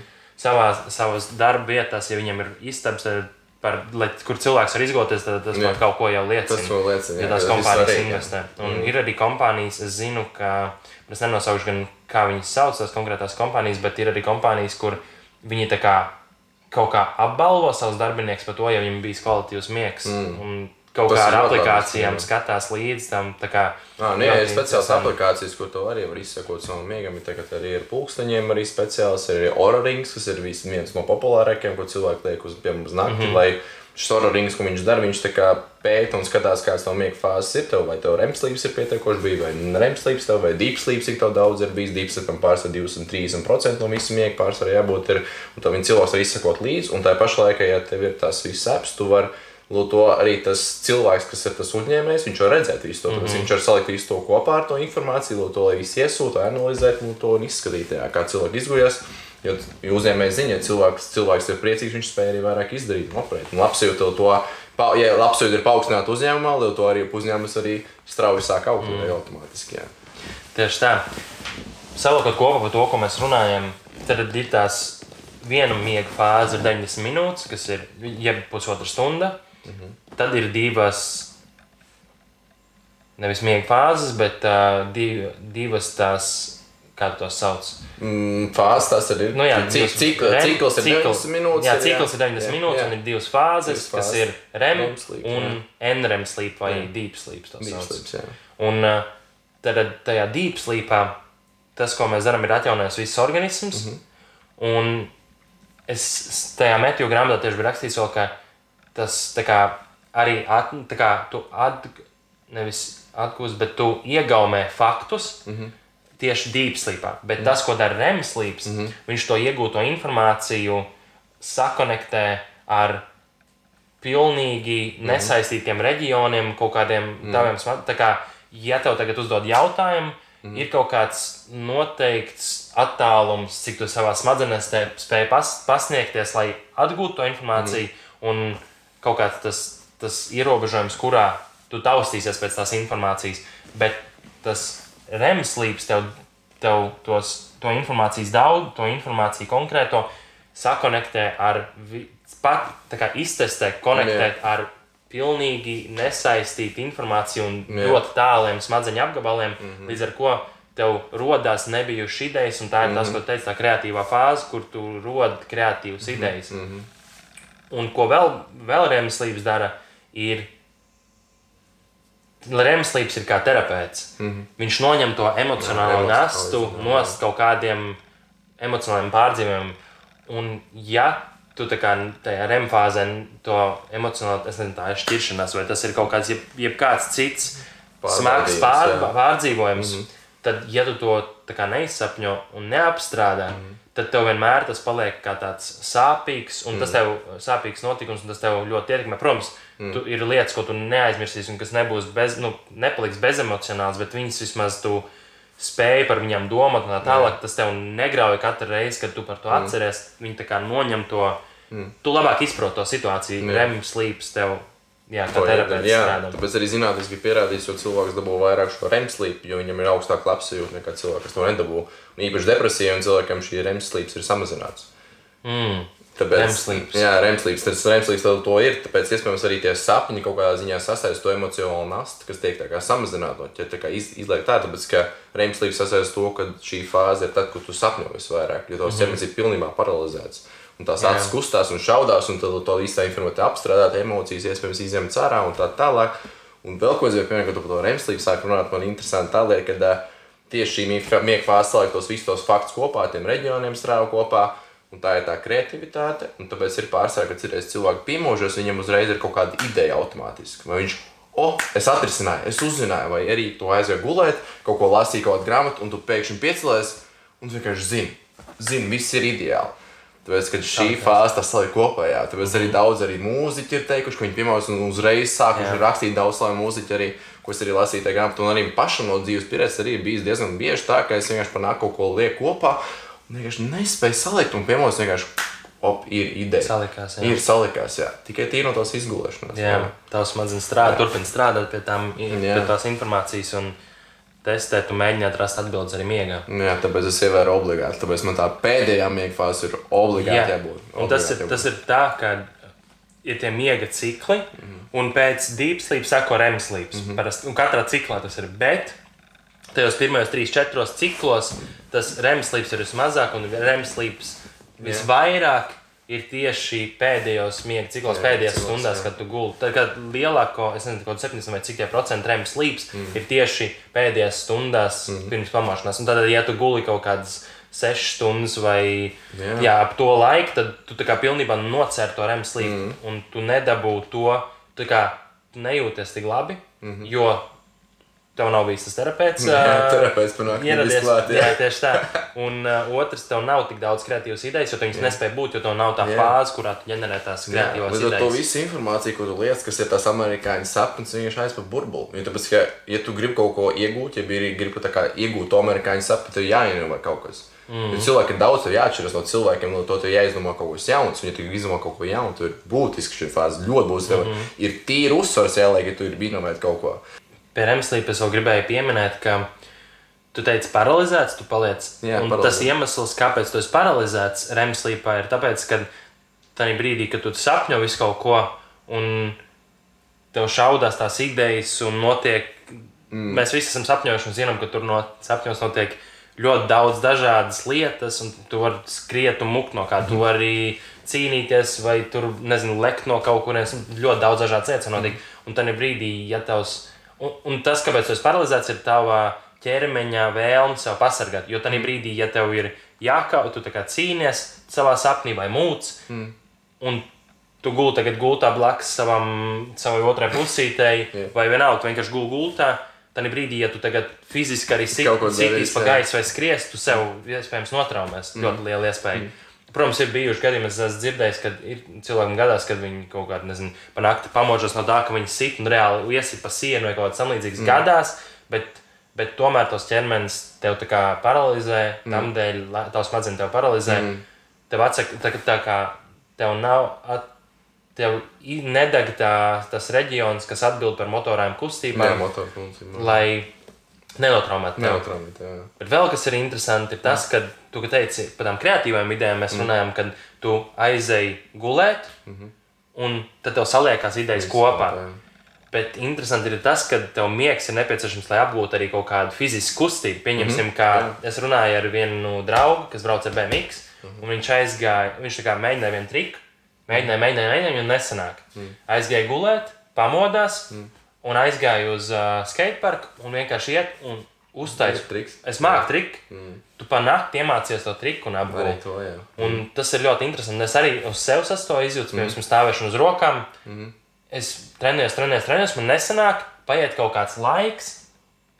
Es pamēģinu, es neesmu trenējies, es pamēģinu, mm. bet man ir bijis viens, divas naktis ar kvalitīvu miegu. Mm. Es aizēju, un es daudz, daudz, daudz reizes labāk protu uz rokām stāvēt. Mm. Es neesmu neesmu fiziski to trenējies. Jā. Tas ir, un tas ir, manuprāt, ļoti interesanti. Es tiešām jūtu to mm. tā miega kvalitāti, kā man iemācīja lietas, ja tā, jā, to, ja tā drīkst teikt. Un tev, tev vispirms nav tāds gadījums, bijis, piemēram, man tā bērnībā bija. Kad bija sapnis, bija ļoti traks sapnis īstenībā, to, ka tu krīt kaut kur. Mm -hmm. Pārsteigts tas krītošais sapnis, un mēs vienkārši atvērām acis un es gribu pakusēs, es nevaru. Jā, tas vienkārši paralizē. Man nav bijis. Nav? Daudziem čomiem man nav. es, es biju tik sabijies, tikai es to stāvu, es biju kaut ko kustēju, vienkārši nevaru. Es vēl vairāk sāku bīties, ziņā, no tā, ka viņš par... Es domāju, ka es mirstu reāli. Ka tu esi sīgs bērns, gulēs, domāju, kas notiek. Jā, jā, jā.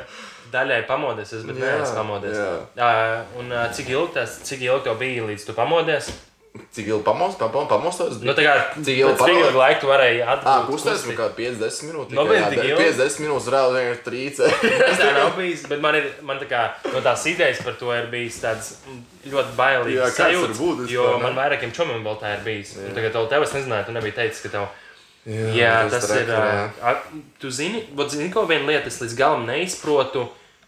Es kā vispusīgi saprotu, ir cilvēki, kas pa naktīm staigā to moonwalking, Ā, ko sauc. jā. Jā.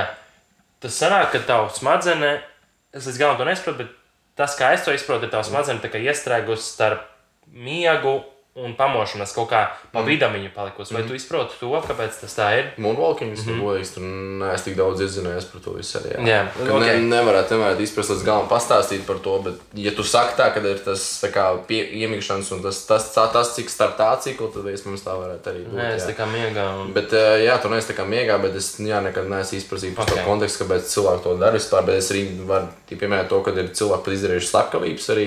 Miegā. Īstenībā, jā, un ir tā kā, mm, es lasīju arī to, ka uh, ir pat pierādījis tas, ka točs cilvēks arī bijis jā, kā tajā tieši tajā fāzē, un viņš Un viņa pats ir attaisnoja.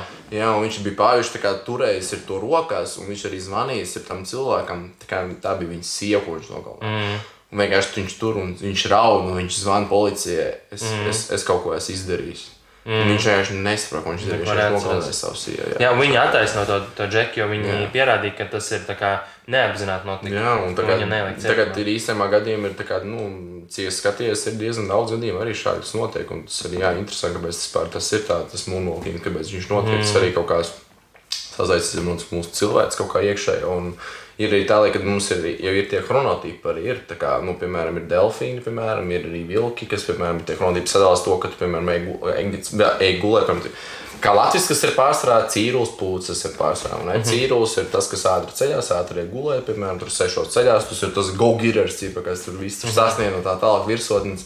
Un ir tieši ā, arī tas otrs pūcis, kas ir tiešām vēlāk grib iet gulēt, vienos, divos mm -hmm. un ne pārsvarā. Un celties arī, piemēram, vēlāk tur 10, 11 un tā tālāk. Un, ne? un, Uh, ir tā, lai, kad ir viens tas uh, zinātnēks sadalījis īstenībā to savādāk, nedaudz tos chronotipus, kas ir Michael Brīvs, arī tas, ko es pieminēju sākumā. Es nezinu, kā tas ir. Pateikt, Mikaels, Mikaels Brīvs, Maikls vienkārši. Maikls Brīvs, šādi ļoti labs. Ir, zinu, man jau patīk īstenībā viņa grāmata, arī Sleep Doctors, viņš arī ir. Mm. Nu, Diet plāns, es, es varu ielikt šaunotos, ja kādam interesē tā grāmata, arī aizsūtīt personiski, arī ļoti interesants uh, cilvēks, un viņš ir uh, sadalījis to bišķiņu savādāk. Viņš ar to mi- minējis to, ka mēs uh, esam ne jau putni, bet mēs esam uh, dzīvnieki tomēr. Tā kā, tā kā mēs neesam mm -hmm. putni, mēs nevaram iedalīt to tā kā, tā kā putnos.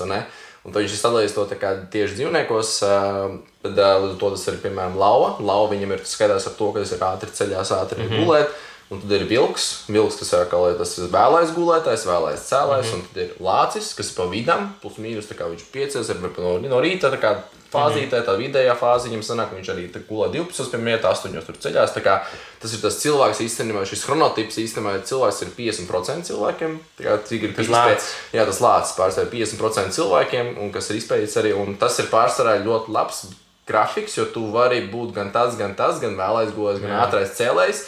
Un tas ir ļoti labi mūsdienu sabiedrībā. Mm. Ir sevišķi to, ka tev ir ātri atceries un ātri iegulēt, lai tu tā kā tieši izgulēties, jāpielāgojas, un tieši šī, šī mēs pielāgojamies. Bet lauvai, lauvai mēs arī vēl pielāgojamies, bet vilkiem, diemžēl, ne. Vilki, tiem, diemžēl, paliek novārtā, tāpēc, ka viņiem ir jācies agri, bet viņi joprojām gultā, viņi nevar aizmigt, vai ne? Un eh, vēl kas tad par šo pēc tam chronotipam arī pieparunāsim, bet es parunāju par to, tad ir tāda, mm -hmm. viņš iedalīja. Delfīnam ir arī tāda, ka viņš nekad neaizmieg pilnībā. Viņam ir tā kā viens smadzeņu puslode guļ, tad otra mm -hmm. smadzeņu puslode tā kā, Jā. jā, tā kā tā, jā, Jā, tā kā ir dzīve, jā. viena, uh, Lai tu tā kā spēj visu laiku kā būt pie samaņas, visu laiku spēj saprast, kas notiek un tā tālāk. Un šie pārstāvji uzsvērti cilvēki, tie, tie to, tos, ko tā kā ātri piecelt. Viņi tā kā it kā neiet dziļā miega fāzē, viņi ar skaņām, gaismā un tā tālāk. Viņi ir ātri droši piecelt to cilvēku. Tāpēc viņš sadalīs tā interesanti par šiem četriem cikliem. Un Man šķiet, iespējams, ka delfīni varētu būt iespējams tie moonwalkeri kaut kādā ziņā, tāpēc, ka viņi tā kā neizslēdz sev līdz galam, viņi spēj kusties, darīt un tā tālāk. Es tā kā varbūt no tā iespējams iziet tas viss kaut kā ārā. Bet, nezinu, es mēģinu savu to bildi kopā, un man radās kaut kāda tāda ideja Jā. to visu. Jā. Varbūt. grūti katrā ziņā ar miegu ir tā, ka ir daudzas lietas, ko tajā neizprast. Kā mēs pirmie minējām, tā ir diezgan, die, diezgan nesen ir sākts miegs pētīts. Mm. Es domāju, ka tuvāko desmit gadu laikā mēs daudz vairāk par to izzināsim. Pieņemsim, ir tie sapņu tulki, mm -hmm. kas diemžēl. Varbūt daudziem cilvēkiem tā būs smaga vilšanās, bet tas diezgan daudz. Tas tā kā, nav teikts, ka tas tev kaut ko pasaka. Tas, ka tu iztū, paskaties, tu atceries savu sapni, tu ej grāmatā un paskaties, ko tu sapņoji, atrod, un tas kaut ko nozīmē. Mm. Iespējams, Metju izteica, viņ, viņš teica, ka mēs kā zinātnieki patreiz vēl nesaprotam, ko sapnis nozīmē. Ka mm. iespējams, ka sapnis ir tikai blakus produkts mm. uh, tam remslīpam. Pieņemsim, tev ir remslīps, remslīpam tā funkcija ir noņemt emocionālo nastu tiem notikumiem. Mm. Un uh, otra funkcija, kas remslīpam bija, ir kreatīvas idejas radīt. Tad iespējams, ka miegs ir otrs, tie sapņi ir kā blakus produkts. Tāpat kā pieņemsim, ka tu dedzini kaut kādu lietu, blakus, e, blakus efekts ir siltums. Mm -hmm. Iespējams, ka sapnis arī ir tieši tāpat, ka tas ir blakus efekts, kas rodas mm -hmm. šai REM fāzei. Mm -hmm. Bet, uh, laikam, arī, cik es saprotu, tomēr sapņi rādās arī citās miega fāzēs, bet nu, izteiktāk vienkārši. REM Izteiktāk, jā, fāzē, tieši tajā REM, fāzē. Jā. Kad tas nav obligāti, ka sapnis ka REM ir- fāzes, bet mm. Tas rapid eye movement, tas ātrāks kustības tieši tas, ka tā, mm. tas nozīmē REM sleeps. Jā. Un, ok, tad. Um, Un vēl kas ir tā lieta, kas ietekmē to, ka tev ir vēl mazāk arī REM slīps, ko pārstāvja cilvēki ļoti daudz lietojas, sevišķi runājot ar saviem klientiem. Mm -hmm. ir, ko mēs arī runājam sākumā, kas tiek uzskatīts par labāko miega zāli. Alkohols. Un nav Kas tev ir alkohols atņem REM. situācija? Jā, viņš tieši atņem to, to fāzi. Mm -hmm. Domājies, tu vienkārši atņem savas atmiņas, tu atņem savu labsajūtu. Vienkārši tīri iedzerot pirms naktī, tāpēc, ka tev vajadzēja pēc darba nomierināties, ka tu baudzi Un pārstrādāt. tā tas strādā. Tāpēc cilvēkam droši vien liekas, ka viņam ir labs miegs, jo alkohols tā kā atbrīvo tavu ķermeni. Jā, atbrīvo Un jā. Tu vienkārši ātrāk spēj iekrist tajā miega fāzē. Bet tas nav miegs, tas ir kaut kāds, es nezinu, mm. kaut kas pa vidam. Jā. Ne tas, ne šīs. Jā, tāpēc arī cilvēki, kas arī, piemēram, ir pētījis, pierādījis to, ka cilvēki, kas pārsvarā iedzer alkoholu pirms naktas, arī ir fragmentēts tas uh, fragmentēta miega fāze, kad viņi piecielas par nakti. Jā, arī- regulāri. Jā, regulārāk, jo tāpēc, kad ir tā, lai, kad alkohols metabolizējas ilgāku laiku arī ķermenī, Mhm. tāpat kā kofeīns arī, tāpēc arī nevajadzētu arī dzert kafiju pirms miega, vai ne? Un uh, kafija arī īstenībā, ko mēs arī vēlamies arī parunāt, iespējams, arī par cilvēkiem, kam interesē tie, kas ļoti daudz dzer kafiju, sevišķi jāstrādā daudz un tā tālāk, jāizdarīt sevišķi garšīgi arī kafija arī. Mhm. Un uh, visiem patīk, pat, patīk tā smarža no rīta, kad iedzer kafiju, bet rīts arī īstenībā nav labākais laiks, kad īstenībā dzer kafiju. Tāpēc, ka tev ķermenim ir jādod kā dabīgi piemosties, tāpēc mm -hmm. arī ķermenis arī izdala kortizolu vairāk, arī adrenalīnu vairāk, lai sev piemērotu gatavību būt ne. Mm, un par to kafiju runāja tā, lai ka viņi arī metabolizēs ilgu laiku, pārstrādājas ilgu laiku. Jo to tas kofeīns tev tik un tā asinīs saglabājas vēl pēc astoņām stundām, kad tu pēdējo kafiju izdzēris. Mm -hmm. Tas kas, ko es lasīju grāmatā, iesaka divos izdzert pēdējo kafiju, jeb arī astoņas stundas pirms miega. Es reiz tieši tā arī tā, Jā. pēdējos cenšos trijos. Nu, tas ir tāds. Es, protams, gadās situācijas, bet. Mm. Jā. Jo ir tā, kad ir tā kā meltonīns, mēs zinām, kas ir. Ne, piemēram, meltonīns tas miegs, miega hormons. vai ne, Un arī par meltonīnu arī īpa- būtu jāparunā arī īstenībā. Kas ir miega hormons, un ir arī adenozīns, kas ir tas, kas ir tev tā kā awakefulness dod, jeb arī dod samaņu, tā kā, jeb arī, kā pateikt, precīzi, tad- tad- viens, viens tev dod mieru, viens tev dod enerģiju, piemēram, jeb arī spēju Mhm. Kā viņi koncentrēties. sauc to otru? Adenozīns. Adenozīns. Mums ir tie receptori iekšēji. Adenosīns ir- Adenosīns. Tas, Adenosīns. tas ir kā sleep pressure. cik es Jā, sleep pressures, jā. Un, jā, un pārsvarā šis adenozīns tiek tā kā bloķēts. Tā kā ka tu iedzer kofīnu, lai, to, mm -hmm. lai tu spētu slēgt darīties, un tev neiestrādājas šī miega fāze ar melatonīnu. Mm -hmm. Tas dod to sanāk, ka tu iedzer to kafiju, tu maini savu bioloģisko ritmu savā ziņā īstenībā.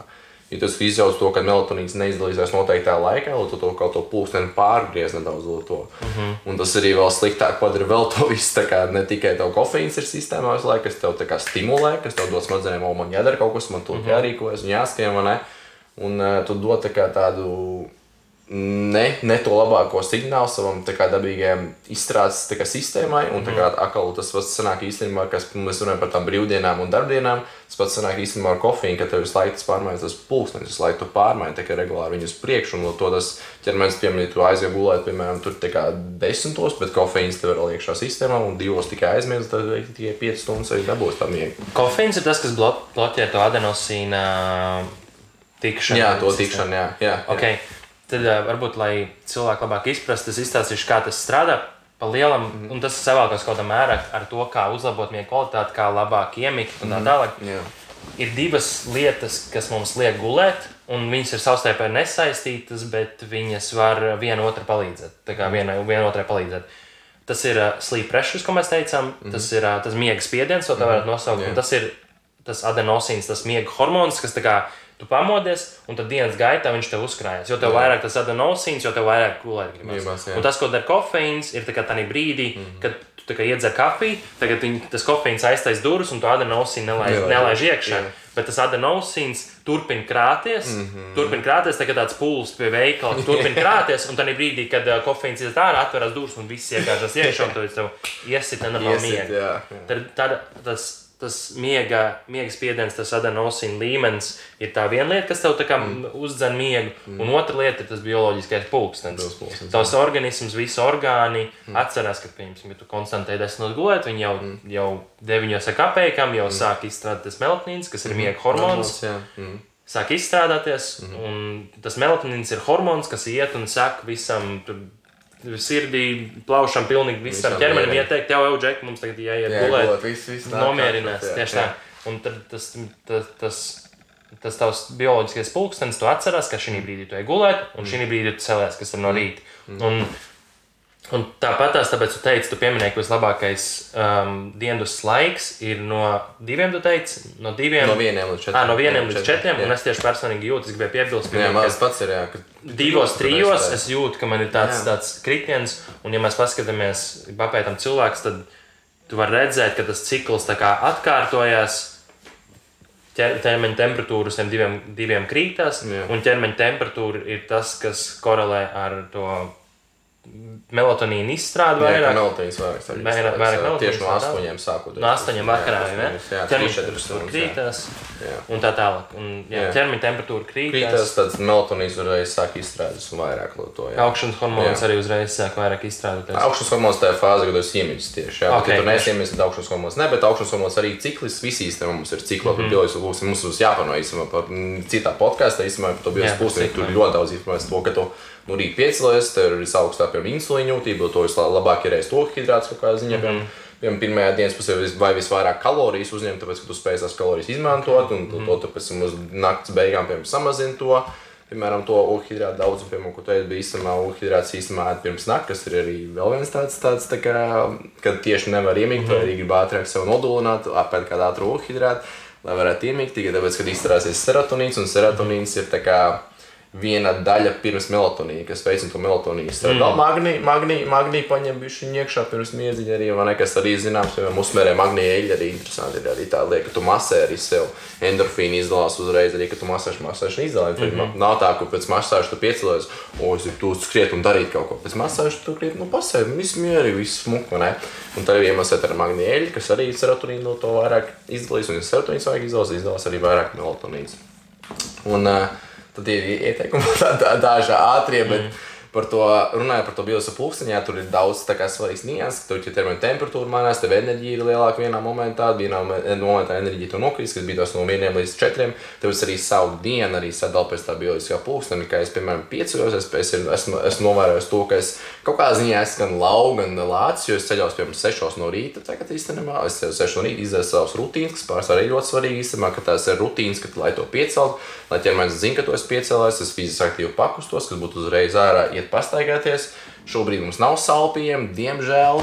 To man nav tas arī natural sunlight no rīta, kas uzreiz man vēl ātrāk piemodina, tāpēc ka saules gaisma uzreiz ir tas, kas pirmais, kas uzreiz kā signalizē ķermenim, kad ir gaisma, o, ir jāatceļas, viss notiek. un ne?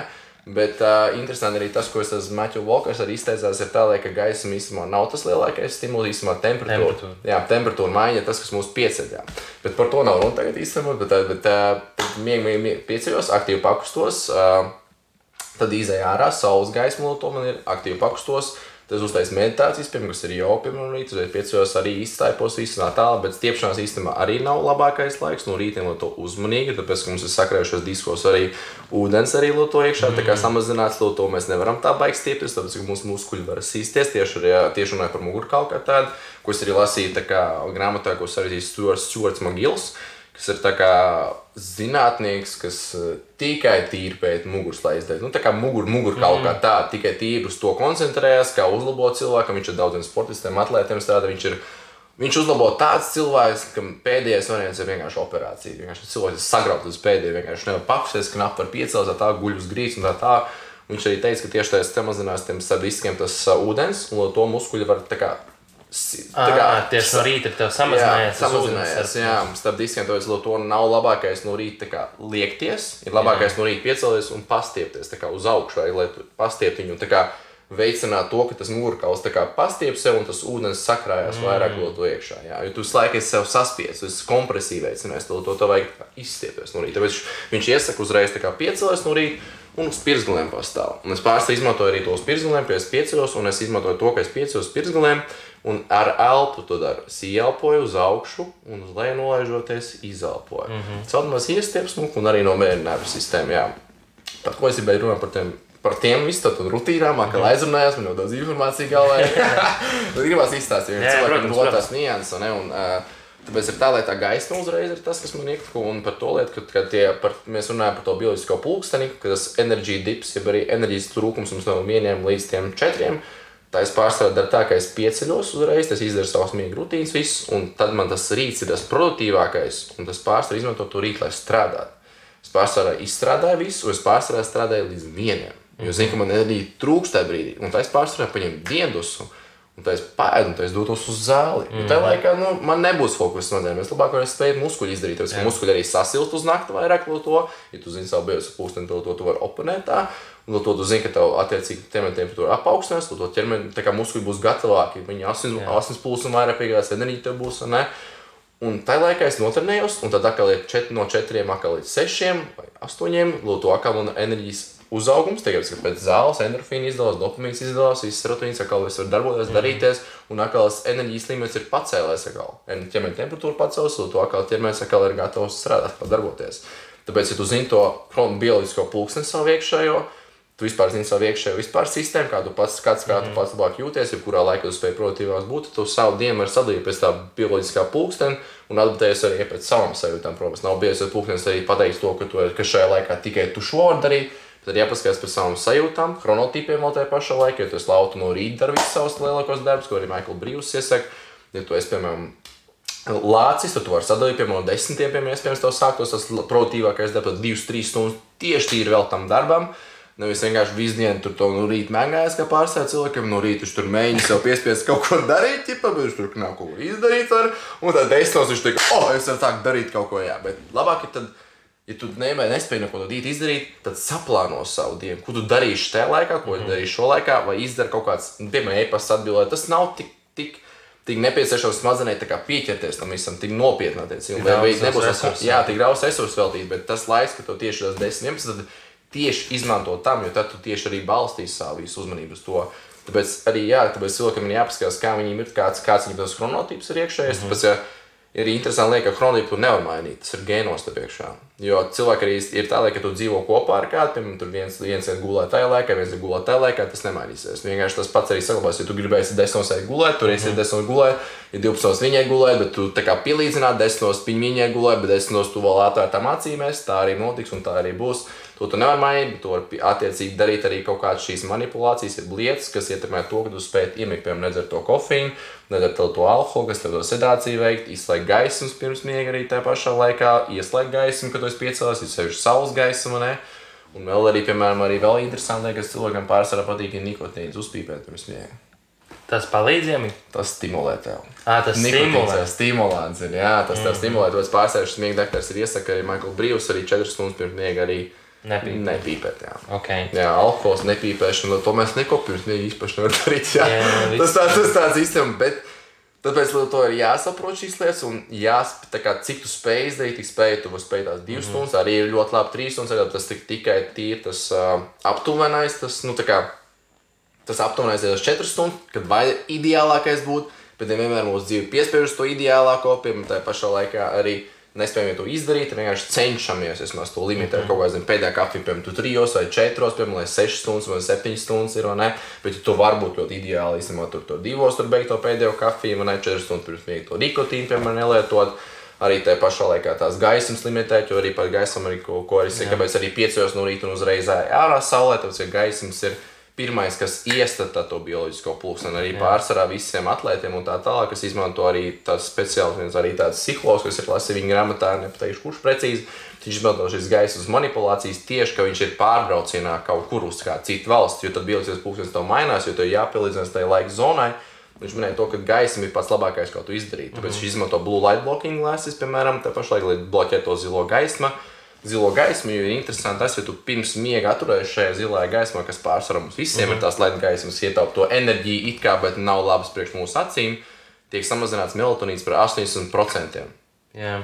Es gribu izstāstīt mazliet, kā tas strādā, lai tām labāk izpratni rodās par tām gaismām un mm -hmm. kāpēc tas tik ļoti ietekmē. Ja mūs paņem un ieliek tumšā istabā, tad, tas, tad, tad mēs celsimies vienā laikā. Aptuveni. Tas bioloģiskais pulkstenis mums uh, saka, ka tagad jāceļas Jā. un tu celies. Bet tas mums nav precīzi tas bioloģiskais pulkstenis. Mm, Viņš nav precīzi 24 stundas, mm -hmm. bet ir 24 stundas un kaut kāds 30 minūtes. No aptuveni kā kuram. Tad, ja tev turētu 10 dienas, ja tev turētu 10 dienas tajā tumšajā telpā, tad 10. dienā tu celtos 5 stundas vēlāk nekā parastais cilvēks, kurš katru dienu ceļās ar modinātājiem. Mm -hmm. Tāpēc tas ilustrē to, ka mums tas, tas, tas pulkstenis nav precīzs mm -hmm. un te labi savākas tam gaismam. Mm -hmm. Ko dara gaisma? Viņa tā kā iestāda to pulksteni no sākuma, restartē to pulksteni. Mm -hmm. Tāpēc ir tas, ka tu saki, tāpēc vēlos, pieņemsim, slēdz gaismas iekšā, lai tam pulkstenim pateikt, ka tagad ir rīts atkal. Mm -hmm. Sākam no sākuma tas 24 mm -hmm. stundas. Un tajā brīdī, ja tu pieņemsim mēs tagad lēnām ievelkamies jau tajā, kā uzlabot to, to miega kvalitāti, kā mm. labāk aizmigt un tā. Tad, kad minēja par to melatonīnu izdalu, tas ir tas miega hormons, kas mm. saka ķermenim, visam yeah. ķermeņa daļām, kad jāiet gulēt. Jā, gulēt jā. Bet tas, ko dara, tas, pieņemsim, ja tu sēdi pie telefona pirms miega, mm. tas, ja tu sēdi pie telefona pirms miega, viņa telefonā ir tās zilās gaismas. Mm. Un zilās gaismas, zilās gaismas ir tās, kas tā kā visvairāk pasakta. Zilās gaismas ir tas, ko mūsu, es neatceros, kādu varbūt tu atceries, mm. virms, virms, virs tās smadzeņu daļas, kas apstrādā vizuālos datus, ir tas bioloģiskais pulkstenis, mm -hmm. kurš vispār nervu tie pārsvarā, kas uztver to gaisu. Jā, un visvairāk viņi uztver tieši zilā spektra gaisu. Zilā spektra gaisu. Jā. Tāpēc ir tās ir aplikācijas, piemēram, ko es izmantoju, es pieļauju, ka tu arī izmanto. Mm -hmm. Ir, kā kuram iPhone ir Night Shift, Night saucās, shifts, jā, un, un Androidam Twilights. Twilight, Nightlights. Ir arī dažāds. datoriem, arī piemēram, F-Lux ir, piemēram, lai nobaudītu šo gaisu. To es datoriem. Un viņš, viņš ir tā tāds sarkanīgs vai dzeltenīgs gaisa. Tu uzreiz jūti, ka tās acis nomirst. Jā, jā, jā, ja, tu, ja tu sēdi pie viņas un tagad izslēdz viņu, to zilo gaisu, tu pilnīgi jūti, kā tu pamodies. Jā, jā. Un tas ir tas, kas, un kāpēc tas tā ir? Kāpēc tieši zilās gaismas spektrs ir tas, kas mūs tā kā vislabāk atsvaidzina? Ir, Tāpēc, ka visa dzīvība sākās no jūras, mm. un mēs esam sākušies jūrā, lai cik šokējoši tas nebūtu. Tā, jā. Ja mēs tiekam miljonam gadu atpakaļ, atpakaļ, tas viss sākās ūdenī, mm. un ūdens ir kā tāds filtrs, gaismas filtrs, mm. un caur ūdenim neiziet zeltainās gaismas, viņš atfiltrē visas gaismas un aiziet zilais gaismas. Mm. Līd, zilās gaismas spektrs, līdz ar ko mēs esam pielāgojušies mm. tieši pie tās zilās gaismas, un vēl joprojām mums ir tas pulkstenis, mm. tieši zilo noķer un saprot, mm. ka ir Te, un tad brīdī, ja tu sēdi pie telefona, mm. tu stimulē savām smadzenēm to zilo gaisu tu dod to zilo gaismas signālu, un tu viņam stimulē, ka ir tagad diena, yeah. nevis naktis. Nevis līdz ar to tā melatonīna izstrāde, ko teici, mm. atliekas vēlāk. Yeah. Tu vēlāk aizmiegi, tu nevari mm. aizmigt. Yeah. Ja tu aizmiegi, tu aizmiegi, tas kvalitīvais miegs ir vēlāk, yeah. uz rīta pusi, bet atkal tu laicīgi celies, mm. un tu netkal neesi izgulējies, neesi mm. izgājis visam tam citam. Jā, un izvēles to bioloģisko pulsni, kas pats svarīgākais. Un vēl, kad arī cilvēks skatās telefonā, arī viņiem paaugstina, ka zilā gaismā tieši to es to paaugstināju ķermeņa temperatūru. Un tur nepieciešams mm. ķermeņa temperatūru samazināt to vismaz vienu grādu, lai tu varētu iemigt vispār, vai melatonīns sākt izstrādāties. Jā. Un tad tā un ķermeņa temperatūra ir viena no lietām, ko samazināt. Jā. Ko teicu, jā, ir, ir cilvēki, kas um, to sauc insomnija. Ir, uh, insomnija. Tas ir, kad cilvēki nevar aizmigt. Nevar aizmigt. Vai nu tas bieži ceļās, piemēram, mm. panākt. Un tiem pacientiem, ko viņi izdarīja, bija, ja viņi samazināja ķermeņa temperatūru, istabas temperatūru pa vienu grādu. Mm -hmm. Un ļoti, ļoti, ļoti, ļoti uh, krasi izla, uzlabojās viņu Jā. spēja aizmigt un miega mm -hmm. kvalitāti. Jā. Vienkārši samazināt. Liekas, ka mums gribās siltumu, mm -hmm. siltumā iet gulēt, bet mm. uh, tomēr vēsumā mēs labāk varam aizmigt mm. un uh, labāk ir miega kvalitāte. Jā. Un tad varbūt mēs varam tagad padalīties ar vēl tiem daži varbūt liksies uh, dīvaini mūsu miega rutīnas, vai to varam saukt par miega higiēnu, mm -hmm. ko mēs darām, mm -hmm. lai tā miega kvalitāte būtu labāka, lai Mhm. vieglāk ir aizmigt. Tad viena no tām lietām ir samazināt ķermeņa temperatūru. Jā. Bet nevis būtiski ir samazināt to ķermeņa kora temperatūru, kas mm. ir tur, kur ir sirds, un tā tālāk šo Jā. daļu ķermenim. Mm. Un viena no tām lietām, es atceros, tu to sāki darīt, ja tu pirmais izlasīji to grāmatu, bija vilnas zeķes vai tādas Jā, vilnas čīles. sildīt pēdas, rokas vai galvu un galvu. Jā. Un, ja es pareizi saprotu, tas ir tāpēc, ka mums asinsvadi ir ļoti tuvu plaukstam, kājām un galvai. Un līdz ar to tu tā kā sasildi viņus, lai tie asinsvadi paplašinās. Un, jo caur tām asinsvadiem vai trubām vairāk plūdīs asins, viņi, caur, un viņas ir tuvāk ādai, viņi vairāk siltumu atdod. Jā. Es no sākuma nesapratu, kā tas strādā. Es nesapratu, kāpēc mm. sildot kājas, tev tas palīdz labāk iemigt. Mm. Bet galvenais ir dabūt kora temperatūru zemē. Mm. Un, ja tu sasildi tās rokas kājas, mm. tad palielinās asinsvadu, vairāk iziet asins mm. cauri, līdz ar to vairāk siltumu atdod un krītās tavs.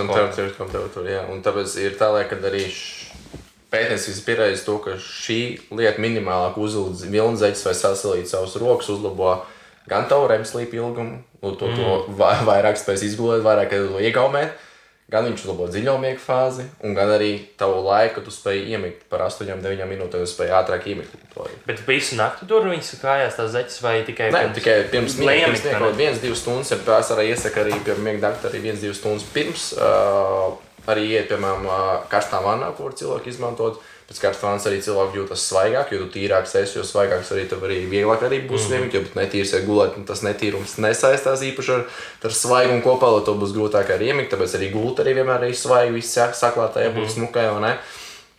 Un, jā, šis te, te, to, to arī var arī interesanti lieta, kad ir arī specifisks arī produkts, ka tu vari silīt gan rokas, gan kājas, piemēram, tas ir vilnzeķis, piemēram, vai tu vari silt, silto masāžu, tā ir speciāls arī masāžu ierīces, kur mm -hmm. ieliek kājas un siltu masē vēl papildus.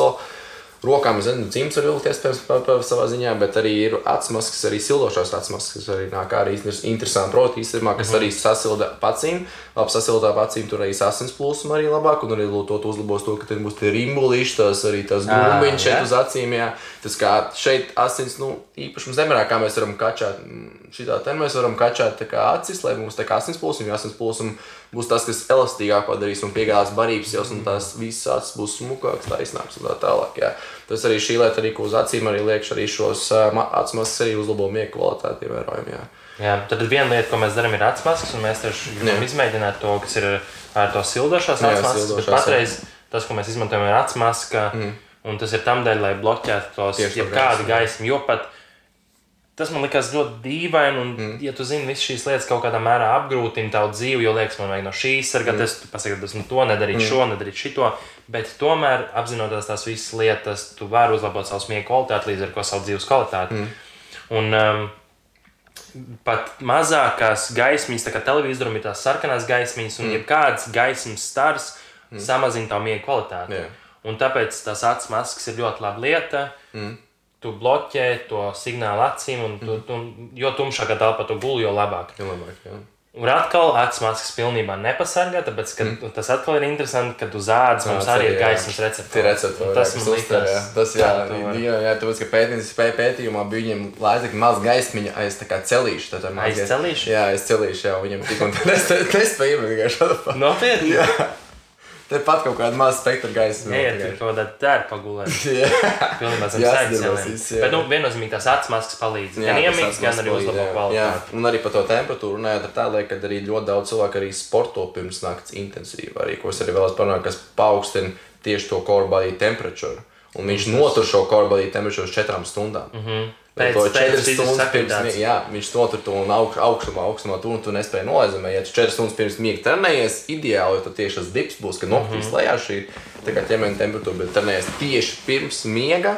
Jo treniņš tad nedara neko intensīvu. Necilās svērts, neietais simpātiskajā nervu sistēmā, jo trauksmē ieško to ir intensīvi jātaisa sadabū. Mm -hmm. Bet viegla intensitāte, kas būtu piemēram pastaigi, viegla, piemēram, joga vai stretchings, tā tālāk ir ļoti labs līdzeklis, kā iemidzināt sev ātrāk. Jā, jā man patīk pastaigi tieši. Jā, pastaigi, kas miegu, ne? Man, man patīk pārsvarā stretchings, jā. Un Tāpēc, stretchings, jā, jā. tas ir tev tā ķermeņa temperatūra paaugstinājās tieši tajā brīdī, un tev uzreiz tas smuku arī tā kā vairāk, vairāk, vairāk tev Jā, īstiet, stretchings taču. Jā. Es tieši, ka tu teici, pirmīt, no, es biju vairāk reizes mēģinājis no rītiem stiepšanas. Tā kā gribās to sajūtu, ka tu esi tāds Jā. elastīgāks pa dienu, bet es jūtu, ka nu, nav forši stiepties no rīta. Man kaut kā, nemūžīgi. Jā, tu tas stīvs, tāpēc, ka tā ķermeņa temperatūra tieši jā, un, tad tā, ka- jā, jā, un asins nepacels. plūsma nav Ok. okay. to tik daudz, un tu esi tāds stīvāks, tāpēc arī runāju par tiem diskiem arī, kas arī Mhm. vēl papildus ir. Kas, ko es no rīta, piemēram, daru, es jogu tie daru rītiem. kas Jā, ir tīri jā, kā- joga vai heats man jā, patīk. tas kā pārēj no kustības. Kust- Heats vispār ir ļoti labs īstenībā, kas uzreiz tūlīt Jā. iekustināt, tūlīt enerģiju. Ko dot, jā. temperatūra pacēla un tas Jā, uzreiz automātiski. Tā, tā bata var izmantot arī. Jā, Jā, es 4 tā- minūtes. nē, Jā, tieši tā arī- izmanto. jā. Mhm. Jā, jā, tas 4 minūtes tāds workouts ātri iekus, un tu uzreiz jūti tā enerģiju. Mēs zinām, ka mēs runājam par kustību arī, kad kustība izdala serotonīnu, izdala dopamīnu, to tev ir norepinefrīns, kas tev paaugstina koncentrēšanās spējas, paaugstina tavu gatavību to darīt lietas, un enerģijas līmeni paaugstina. Labsajūta paaugstina, un tu uzreiz esi automātiski gatavs dienai, gatavs iznīcināt. Jā. Tas man ļoti, ļoti, ļoti patīk. Un tad es esmu salicis vai jogu vai heats sākumā. Jā. Un vakars ir stretching. Jā, un būt- būtiski- ja izlaižu, es jūtu, es jūtu to, ka es nevaru tik forši aizmigt, ja es neesmu. Zini, kāpēc to, to jūtu, ka tev stretchings nav? Tikai tāpēc, ka muskuļiem ir jāraks, jā, jārelaksējas. Ā. Jā, ja tu gribi iemigt. Tāpēc arī pārstāvji cilvēki arī neievēro to stretching, tāpēc arī viņiem miega kvalitāte 100% samazināsies, tāpēc ka muskuļi būs saspringuši, asins plūsma nebūs, un ķermenis vispār būs iekšējais saspringts, nevarēs tev atbrīvot. Bet Tāpēc tev ir jāatbrīvo, ka mums tāpēc arī stečings ir ļoti labs, un vēl kustība arī ir ļoti laba. Tikai tāpēc, ka tas ir zinātnīs pierādījis, kas arī uzlabo REM sleep, arī uzlabo dziļo miega fāzi, arī uzlabo. Un nenoliedzami pat labākais ir, ka tu no rīta tieši kaut kad izdari to batu no rīta, mm -hmm. tev miegs būs 100% kvalitīvāks. Tikai tāpēc, ka tev arī palielinās melatonīna plazmā. Tas sanāk, ka tev ķermenī pa- paaugstinās melatonīns no tā, ka tu izdarīji to workout no rīta, vai arī dienas pirmajā pusē, tev paaugstinās melatonīns vakarā, un tu, tu spēj ātrāk iemigt arī tajā pašā laikā. Okay. Interesanti, ne? Un vēl kas pieminē, kas, kas, ir- kas ir noš, nošakējos. Zini, kur melatonīns tev izdalās? Kādreiz mēs domājam, ka šeit iekšā ir Smadzenēs, smadzenēs, vai ne? Bet īstenībā nē, šeit. Vēdra atkal. Jā. 700 400, melatonīns. 400 reizes vairāk. 400 Nekā reizes vairāk nekā smadzenēs. Jā. Melatonīns izdalās šeit. To, ja tu mm -hmm. ne, nu, parūpējies atkal par šo, tad arī nebūs miegs. Šo tas ir vēders, ja nu gadījumā audio klausās, tad Vēders, jā, vēders, mikrobiotika. Mikrobiotika, jā. Ok, tad, eh, un tu minēji par ogļhidrātiem, kad um, no rīta tev ir visaugstākā.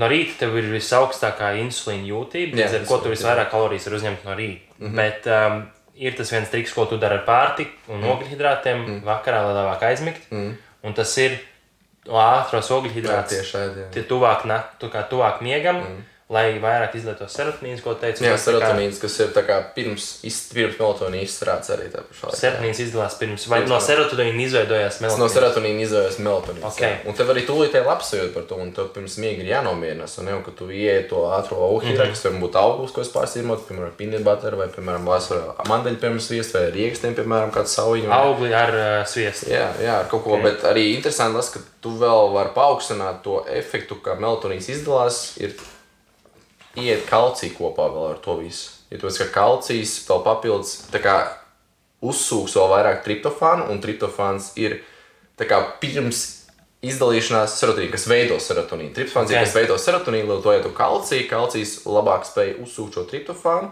ko dabū no šī, kā, ko dabū, un lai to tu izveido vēl vairāk serotonīnu, tu izveido vairāk melatonīnu. Cik ilgi pirms miega? Tāds. Stundu pārstāvja. Stundu. Pirms miega un iesaka, ka, lai šī uzkoda, piemēram, kas pārstāv būtu uzkoda, nevis liela ēdiena, Jā. reiz, piemēram, būtu pārstāvja 200-300 kalorijas aptuveni. kaut ko tā, 200-300 jā. kalorijas. Mm. Okay, jo tāda liela ēdiena, nu šī nav liela ēdiena, Liela reiz ēdiena, viennozīmīgi. jā. Un ar viņu, nu tā kā, varbūt kāds pēda, kam mazāk sēdienreiz, mm. bet nu es nepēstu. Mm. Un tā liela ēdiena reiz, kas man ir, tad es aptuveni turu 3, 2, 3, 3, 2 stundas kā kur reiz. Kā kur reizi, jā. Tas, tas, Kā gadās tā? Jā, šeit arī īstenībā daudz runājuši par to, ka pat daudz runājuši par tie, tieši, ko es par tieši to pirms miega pārēšanas, mm -hmm. ir tā, kad uh, vēl daudz nav pierādīts, daudz, kas nu, to nespēja to līdz galam saprast, cik ilgi pirms miega vajadzētu ēst, vajadzētu, nevajadzētu, nevajadzētu ēst, bet ir pierādīts to, pierādīts to, ka, ja mēs pēdam kaut kādu ēdienu reizi, mums izdalās kortizols, mm -hmm. kas ir stresa hormons, bet stress it kā nesaist to, ka mums ir jāiet gulēt, un ne mums jāiet gulēt, mums ir jābūt mierīgiem. Mm -hmm. Tāpēc, ka nevajadzētu ēst tūlītē pirms nikotīmēs, bet vismaz kaut kādu laiku periodu, kad būtu stundu divas nost vismaz no to. Mm -hmm. Bet arī nav pierādīts, cik ilgi nost, ne? Bet ir pierādīts, kad ir tas stundu periods, kad ir tas pārēdzās aug, augsto hidrātu, ka uzlabo to, piemēram, to miega kvalitāti, ka izdalās serotīns, labs jūtas, mm -hmm. to ir miers arī ne? Bet nav pierādīts, cik tas ilgs periods mm -hmm. ir tieši tā lielā ja arī vakarīs, piemēram, kad mēs pārsakām. Es domāju, tas baigi cilvēkam jāskatās individuāli. Individuāli, jā, jo jā. katram savādāk. Es zinu, ka mēs dzīvojam kopā, tad dzēdi vēlāk. Jā, es ēdu vēl daudzreiz vēl. Jūs darāt vēlāk nekā es. miega. Jā, jā. Stundu pirms Man atkal tas ir, man, ne, man neiet kopā. Man, man es jūtu, ka man miega kvalitāte mm. ir sliktāka, ja es ēdu arī tik lielu ēdienu reizi pirms miega. Tāpēc mm. man šis snacks ļoti labi strādā. Savas divas, trīs stundas pirms miega es pēdu lielu ēdienu reizi, un tad snacks. Jā. Tas, ko teica spīna butters ar banānu un tad kalciju. Mm. Kalcijs ir lieta, ko es mēģināšu pievienot Nē, tagad. Jā, kalcijas, jā. Tāpēc arī silts piens.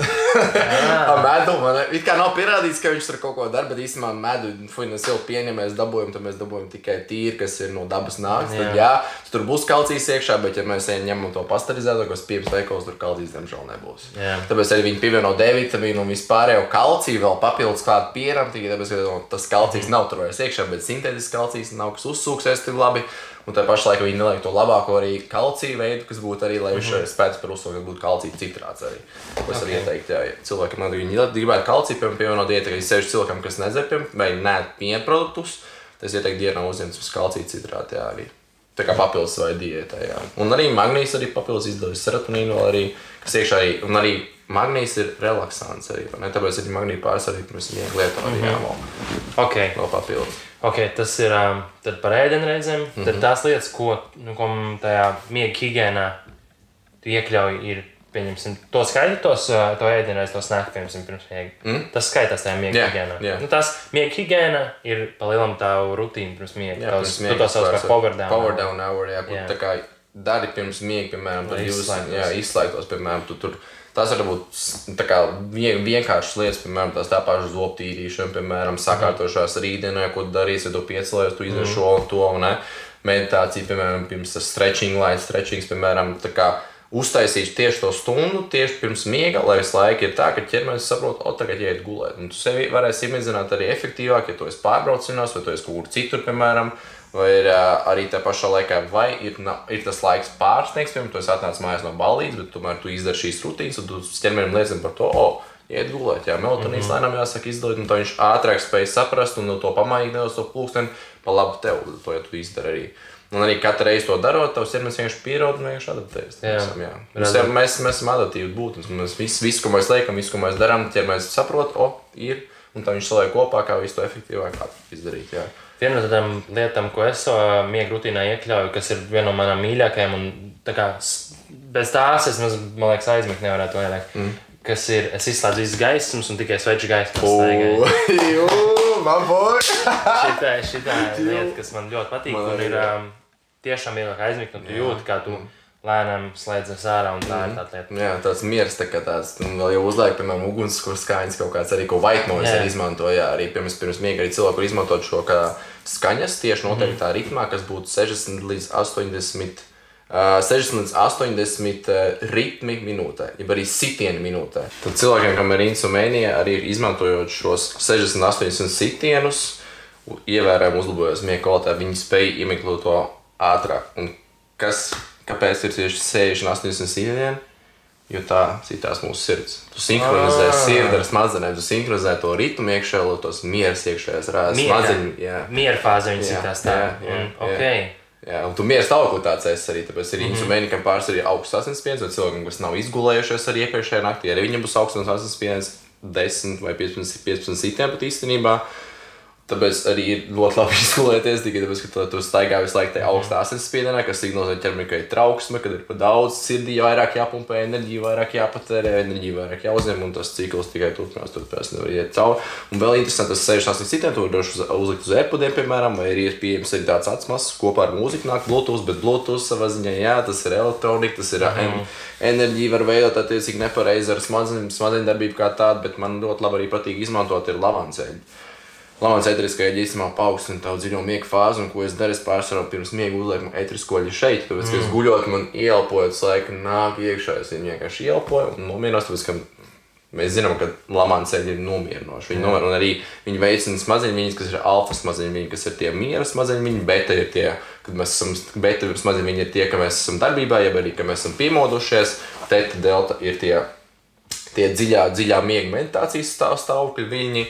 Un uh, gama arī vispār tas, kas ir tā, ka, vispār, tā, ka mēs esam gal, tā kā, gata, gatavā par gatavu. Vienkārši, mēs esam strauji mm. darām visu kaut ko. Un, Tas alfa veidus ir tie pārstāvjās flow states, ko arī sauc cilvēki, kad esam nomierinājušies, mums viss, viss notiek ķermenī, un mēs spējam to ātrāk tādā ziņā sev iemizēt, tāpēc, ka miera stāvoklis ir to. Alfa ir tas, kuru mums jānoķer pirms miega. Jā, alfa, lai tu tā kā es miera stāvoklī, lai tu mm. izēj no tās beta stāvokļa, ka tu pat iet, ka tev jādarbojas atderās, un, ka tu iet alfa, lai tu spēj mierīgāk visu no, no, nomierināt, mm. visu ķermeni arī alfa steigts arī ir tad, kad tu esi meditācijas stāvoklī. Kas ir meditācija, ka tev nav nekādas domas galvā, bet tu aizēji gulēt un tu domā par to, kas jāizdara rītdien, kas notiks šodien, un tu sāc stresot par to visu, to tu nespēji iemigt. Tas tāpēc, ka tu esi bet, betas maziņmiņos. Tāpēc pēc iespējas ātrāk iegāja alfa, tāpēc arī man patīk arī piemēram, dziļās elpošanas pirms miega. Es pārsvarā iesaku arī cilvēkam uzlikt arī, piemēram, uz roku uz diafragmas un elpot.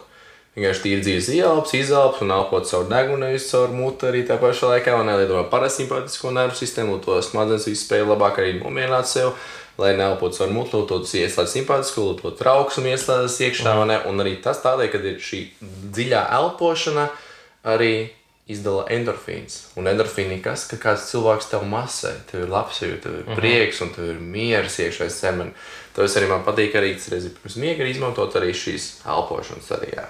Un elpošana ir viena no faktoriem, kas man arī palīdzēs arī labāk gulēt īstenībā. Un, uh, okay. pabeidzam, pabeidzam par uh, tām rutīnām. Okay. Tad uh, uzskaitām viņas visas. Un uh, es ātri gribēju piebilst pie tā, tu teici, paaugstinās asinsspiediens, tad brīdī, ja tev nav bijis miegs. Jā. Un es aizmirsu pirmīt pieminēt, ja tev nav bijis kvalitīvs miegs, tev ir zem tam septiņām stundām, nu, nepietiekams miegs bijis, mm. tad tev ļoti paaugstinās iespēja sirgt ar kaut kādām sirds slimībām, asinsvads slimībām un tā tālāk. Un uh, ir tās, tas laiks, kad mēs pagriežam stundu uz priekšu pulksteni un stundu mm. uz mhm. pulksteni. Mm -hmm. Un statistiski pētot, sirds slimības tajā nākamajā dienā, pēc tam, kad mēs esam pagriežuši pulksteni uz priekšu, līdz ar to mēs nogriežam sev to miegu. Mm -hmm Tad, kad mēs pagriežam, ne, ka pagriežam pulksteni uz apakšu, atvainojos. Mm -hmm. Pagriežam pulksteni uz apakšu, līdz ar to tev ir mazāk miegs, mm -hmm. tu par stundu mazāk gulpi pa nakti. Mm -hmm. Tajā nākamajā dienā ļoti kāp uh, sirdsprieks un tā tālāk. Mm -hmm. Un tad brīdī, atkal, kad mēs pagriežam pulksteni uz priekšu, tad varam novērot kritienu tam visam. visam Tik ļoti Tas spēcīgi tā statistika parāda, mm. kā korelē miegs ar sirds slimībām un tā tālāk. Bet tāpēc man šķiet, ka uh, iegūstot šo visu informāciju, vienkārši nevar likt to novērtēt. Tas ir jāizmanto. Tev vienkārši, lai tu vēlēsies uzlabot savu dzīves kvalitāti, labsajūtu, tad tev vienkārši ir. Ir vismaz labi, ne visu to visu ievērt, bet uzņemt tās lietas un lietas, uzsvērt uzmanību uz tā, tomēr, iz, izņemt dažas lietas, būtu spēlēšana, telefona, tās gaismas bloķēšanas, mm -hmm. visas miera stāvokli, spēt ievirzīt sev miera stāvokli, būtu meditācija, tas alfa smadzeņu viņa arī. Tas ir tāds būtisks lietas, kas cilvēkam varētu palīdzēt, lūdzu, to, to, to labāk to savā dzīvē arī nu, virzīties uz priekšu, un arī, piemēram, nebūt tajā stresa stāvoklī, jo augsts asinsspiediens ir stress ķermenim, un to sirdī vairāk jāpamaina, lai to, to iekšējais stress, to, to iekšējais stress ņemtas uz āru. Tad pārsteigts pats citis ir novērojis arī uz sevi to, ka es neesmu izgulējis tāds, tā kā paliek tāds nedaudz tāds īgnis pēc cilvēkam, tā kā, nu, es pat nespēju pateikt to. Kairināts. Kairināts, jā, tāds laik, tā kā cilvēks runā, tā kā man labas lietas vienkārši, bet es ne, nespēju klausīties. Mm -hmm. Es domāju, ka kad, kad, kad, kad viņš ies prom, es vairāk domāju, nevis klausies viņa iekšā. Mm. Tas ir jā, tāpēc, tāpēc, tāpēc ka, ja, ja tu, tu izgulēsi, tu uzreiz spēj arī labāk ar cilvēkiem tā kā, tā kā socializēties to. to arī mēs padarām arī visu, visu iekšējo kā, valsts labklājību, vispār visu pasaules labklājību par to, ka mēs vienkārši izgulētos. Tāpēc, ka mm. mēs vienmēr būtu priecīgi, labsajūti, mums būtu atņemta remslība, saka, mums atņemot šīs negatīvās emocijas iekšējās. Un mēs būtu gatavi socializēt, arī ja cilvēki arī nav tie neizgulējušies cilvēki, kas ir tā kā tāds bildes salīdzinām, ka cilvēkam nepatīk tie un nevēlas arī komunicēt. Un arī tā iekšā enerģija, tu jau jūti, ka cilvēks, ja viņiem ir augsts asinsspiediens, tev arī paceļas augsts. Tev arī ir augsts asinsspiediens, ko mēs arī mm. runājām toreiz, ka, ne, ka telpā bija cilvēki kopā, viņiem bija augsts asinsspiediens, tad paaugstinājās visiem asinsspiediens, no trijām augstām asinsspiediens. Tas ir stress, tas ir uzreiz sirdīs, tur vairāk jāstrādā to. Mm. Un, ja ceļā vien vairāk jāsarēģi, sāk trūkt to. Un tā kā tu ķeries atkal pie cukuriem, tā tālāk, un atkal tā viss labklājība tikai samazinās no cikls, tikai turpinās melatonīns izdalās šeit, un to slikti pārtika vēl dod iekšā, vēl vairāk nespēja iemigt, to nevēl cukurbaro, vēl palielinās svars. Un, ja arī tā lieta, ja tev ir vairāk tauki, tev arī ir tā lieta, ka tev ir mazāk D vitamīns. Tikai tāpēc, ka tas tavu tauka aptur tavus D vitamīnu receptors, kas bloķē to.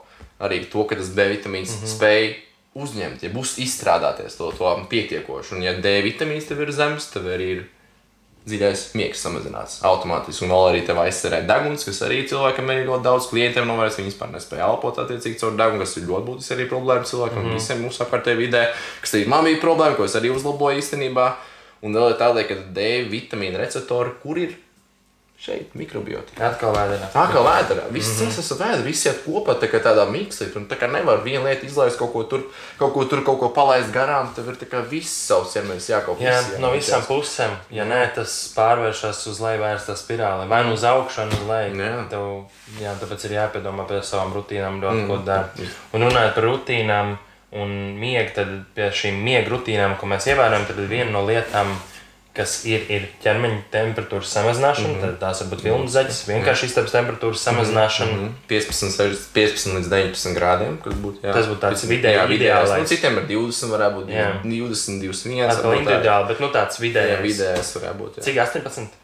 18, varētu, 15, no 15,6 līdz 19 mm. varētu būt tas vidējais, un tad tu vari spēlēt, kurā tev labāk patīk, kurā tu labāk iemiedz, vai arī bišķiņi arī augstāk pacēst, ja tev nepatīk pie šā augstās temperatūras arī. Jā. Tad nākamais būtu viens ir temperatūra, mm -hmm.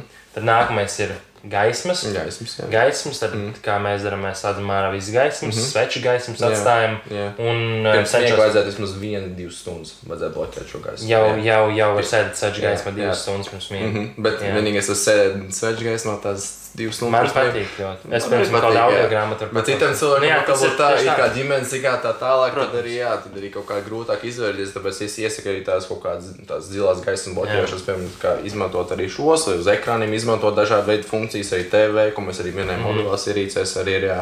Bet tomēr apzināties to, ja tu tomēr nebloķēsi to gaismu, tomēr tur neaizvistē, tad nebūs tik kvalitīvs mm miegs, jā. Tad pie tām gaismām vēl samazināt apkārtējo apgaismojumu. Mm -hmm sveču gaismu, tad ideāls gadījums, gandrīz vai ideāls gadījums. Mm. Vispār tumsā jau ka vēl labāk sēdēt, ir, bet, jā. nu, atkal, tomēr tev ir jā, jā, jā, jā tīri zobu un tā tālāk. yeah un viss tavs vakar rutīnas. Yeah. Bet pie gaismām tad ideālā gadījumā būtu savas divas stundas pirms miega, arī yeah. pie telefona nesēdēt. Protams, mm. da, šodien ir ļoti grūti, grūti no tā izvairīties jā. cilvēkiem. Mm. Tāpēc tas, ko tu vari darīt, tas blue light blocking, vai nu tās ir aplikācijas, vai nu tas ir night shifts mm. iPhone, iPhone, kas ir jau iebūvēts tur, mm. vai arī tās brilles, ko tu teici, blue light blocking brilles. Tās arī palīdzīs man pētniecīs pierādīties, ka tieši, tieši, tie, tieši šīs arī brilles arī palīdz, un arī cilvēkiem pārbraucienos, piemēram, arī, ne, lai nav tas mm -hmm. jet laika saucamais, kad tas tu pie, pie, pielīdzinies tajā laika zonai, ja tu zini, ka tev tagad ir nakts, mm -hmm. piemēram, tavā, piemēram, valstī, tu uzliec savus gaisa zilās gaisa bloķēšanas gāri, Tā kā šīs mm -hmm. uh, ierīces, un to, tu, to spēj labāk, ātrāk, tu bildes jau pulksteni iestīt. Jo ir tā, lai, kad, kāpēc tā gaisma, mēs runājam tieši par to gaismu, ir tā, lai, ka mums ir tie optiskie nervi, kas nāk no šīs smadzeņu daļas, kas veicina to bioloģisko pulksteni, mm -hmm. kas ir pārsvarā suprafizmētika, tā kā nukleus, un viņam tie optiskie nervi nāk no, tā kā optiskie nervi nāk, viņi sadalās ar smadzenēm, un viņi iet pie acīm un aiz acābu atrodas. Mm -hmm. Tāpēc ir tā, ka tā gaisma signalizē tam tas, kas kontrolē mūsu bioloģisko plūsmu, kas tagad šajā laikā mums ir jādara. Tāpēc arī tas, tā gaisma ir tas visizteiktākais, kas mums kontrolē mm -hmm. to mhm. melatonīnu, to miega attiecību un hormonu izdala attiecību pa dienu, mm -hmm. kas viss notiek ar ķermeni. Okay. Temperatūra, gaismas, mm -hmm. tad, un panākt tās varbūt atsmācas un maksimāli censties.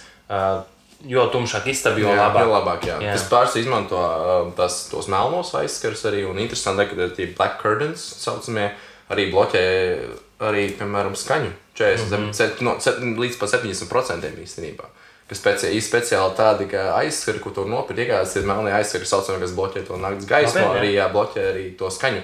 Tāpēc, ka arī būtiski, arī, piemēram, ja mēs dzīvojam ko dzīvokli, kas ir tuvu pie ceļa, arī korelējas ar to, bet zinātnīs pierādījis īstenībā to, ka, ja cilvēki, tie, kas cilvēki, kas guļ pārsvarā, ir ar miega problēmas, kas guļ tuvāk pie ceļa, kur ir, piemēram, tas uh, trafiks ļoti liels, mm -hmm. arī satiksme ļoti liela, Un arī tādēļ, ka tie cilvēkiem ir iespējams saslimt ar krūts vēzi vienkārši.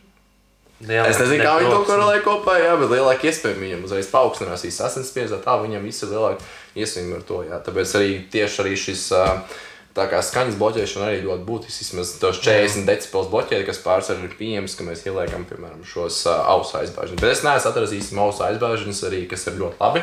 Man nepatīk, ka viņi krīt ārā, tāpēc ir jāpameklē nedaudz pastudēsim to, jā. Un, jo arī tu minēji, ka tu arī tev ir tāda lieta. Jā. Ja tad bija gaisma, un tad no gaismas mēs pārslēdzamies. Trešā lieta ir skaņa. Mm -hmm. Jo klusāk, pa lielam, jo, Klusāk jo mazāk ārējie stimuli, jo labāk. Mm -hmm. Tad trešais ir tā uh, skaņa. Mm -hmm. Es patreiz lietoju vienkārši, nezinu, cenu klubos, mājām, dārzam, jebkur var nopirkt tādas tā kā celtniecībai. Es 60 tos arī centi. lieku. Es nopirku par 30. Opa! Man liekas, ka mājām un dārzam ir 30. Jā, tas ir labāk. Un uh, tie man patīk vislabāk, jo es biju pamēģinājis vienai kompānijai, kas arī nodarbojas ar slēpšanas miega kvalitātes uzlabošanu. Es pamēģināju tādu silikona, silikona aiz, mm. aizbāžņas. Man ļoti nepatīk. Mm. Tā, viņi, man nepatīk tā sajūta. Vienkārši mm. viņa tāda nedabiska auss neelpoja. Mm.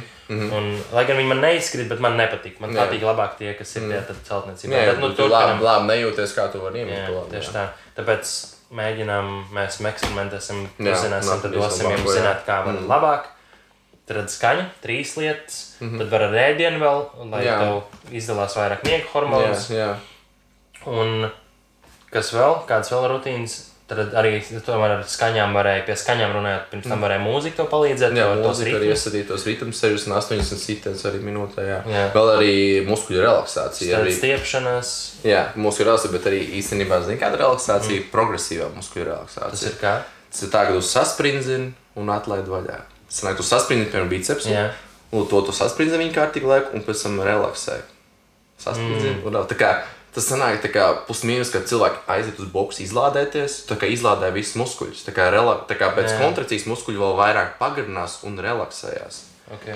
Arī tādēļ arī izmanto, ka tā kā īstenībā tas arī pēdējais ir pierādījis. Kas tas būtu? Tā būtu joga vai nē? Vai... Nē, tā ir vienkārši tīri guli, Guli gultā un un mēģini sasprindzini. jā. Viss Izjūt mēģini savu ķermeni. Tas arī sanāk tā kā meditācija savā ziņā, tāpēc, ka tu pārēji no viena muskuļa, tu izjūti vienu kārtīgu sasprindzi kājas, piemēram, sasprindzi, Mhm. sasprindzi ikras kārtīgs un pēdu.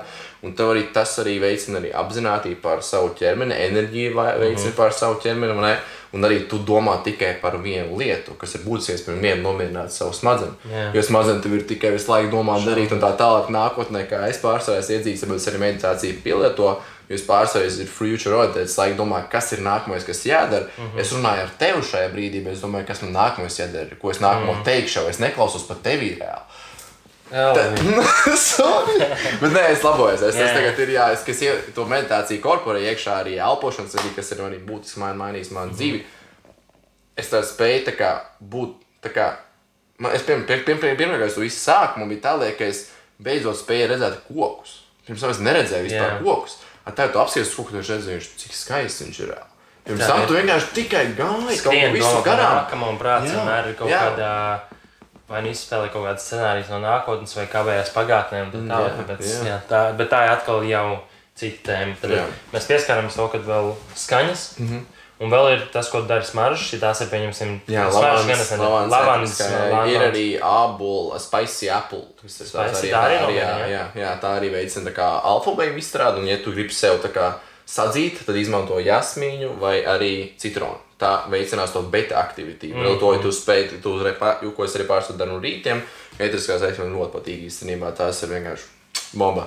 Un uh, patīk tas, ka tu piecēlies no rīta, es uzreiz ieelpoju šīs eļļas arī. Mm -hmm. Tas, kas uzreiz veicinās asins plūsmu smadzenēm, veicinās šo smadzeņu viņu izdalīšanos, uzreiz gatavs būt darboties. Ok. Okay. Jā, tāpēc pārstāvjam to eklipu vai peppermint. Tā ir tā lieta, ko no tā visas vēl neesmu mēģinājis. Jā, un arī, ja vēl kāds piemērs, ko tā ētisko eļļu, to piparmēta ētisko eļļu, par- pat pētnieciski pierādīja, ka viņi uzlaboja spēka rezultātus zālē. Mm. -hmm. Kad pirms, tā kā pirms seta, tur pirms zinām, cilvēki ieaušāja šo eļļu.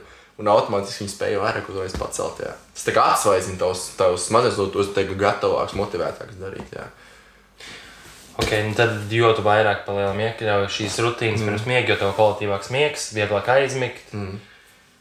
Un tu labāk jūties. Tāpēc tāds šīs li- ir tādas- vienkārši, vienkārši lietas, un tās, īstenībā vienkārši izslēdz gaismas, piemēram, tev tem, temperatūru tu samazini, piemēram, ar, piemēram, sildo, sil, sildošajiem, piemēram, arī tajā pašā laikā arī var derēt arī duša vai arī. duša, jā. Jā, silta arī Tas arī duša, strādā, jā. tāpēc, ka tu palielini asinsvadus, palielini asinsvadus, Jā, ar ko vairāk jā. siltuma tavs ķermenis atdod. Un arī relaksēt, tāpēc, ka arī karstums ir relaksācija, tāpēc arī man saunā, piemēram, patīk, ja es -huh. arī, piemēram, saunu arī izmantot, ja man būtu pieejama, es arī obligāti iet saunā, arī tāpat, lai darītu, Jā. jā.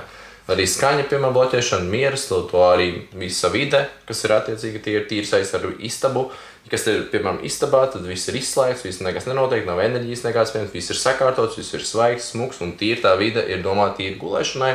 Nevis tur ir televizors iekšā, vispārējais uzparīts, kas ir attiecīgi, piemēram, leckapis, citiem leckapis pat īstenībā pie, pie, pie divām arī klāt, bet tas tam tam nevajadz būt. Ir tīri tā vide, ir tīri tikai, ja būtu tev, mm -hmm. cik radītājā. Tāpēc, hm? Ok, ok. Tie ir ļoti labi ieteikumi, un viņi noteikti palīdz uzlabot miega kvalitāti, ja tu viņus iekļauj savā miega rutīnā vai miega higiēnā, saucot mm. no gribi. Bet ir tā vēl viena lieta. Es ceru, ka neviens nepadomās, ka mēs esam dīvaini, lai gan maz iespēja, ka tas tā nav, jo tā ir sava veida dīvainība. Vismaz, jo tas ir ļoti neierasts, un man liekas, cilvēkam no malas izklausīsies ļoti dīvaini, lai neteiktu vairāk. Tad vēl viena lieta, ko mēs darām pirms miega, ir mēs līmējam muciet. Reāli paņem, paņem izolācijas lentu vai kādu veidu, ir dažādas veids, ir pat speciāli tādas līmlentes, ar ko tu aizlīmē muciet. Un tad tu ej gulēt. Un, un tam Es to nedaru. Tu to dari? Tu to dari?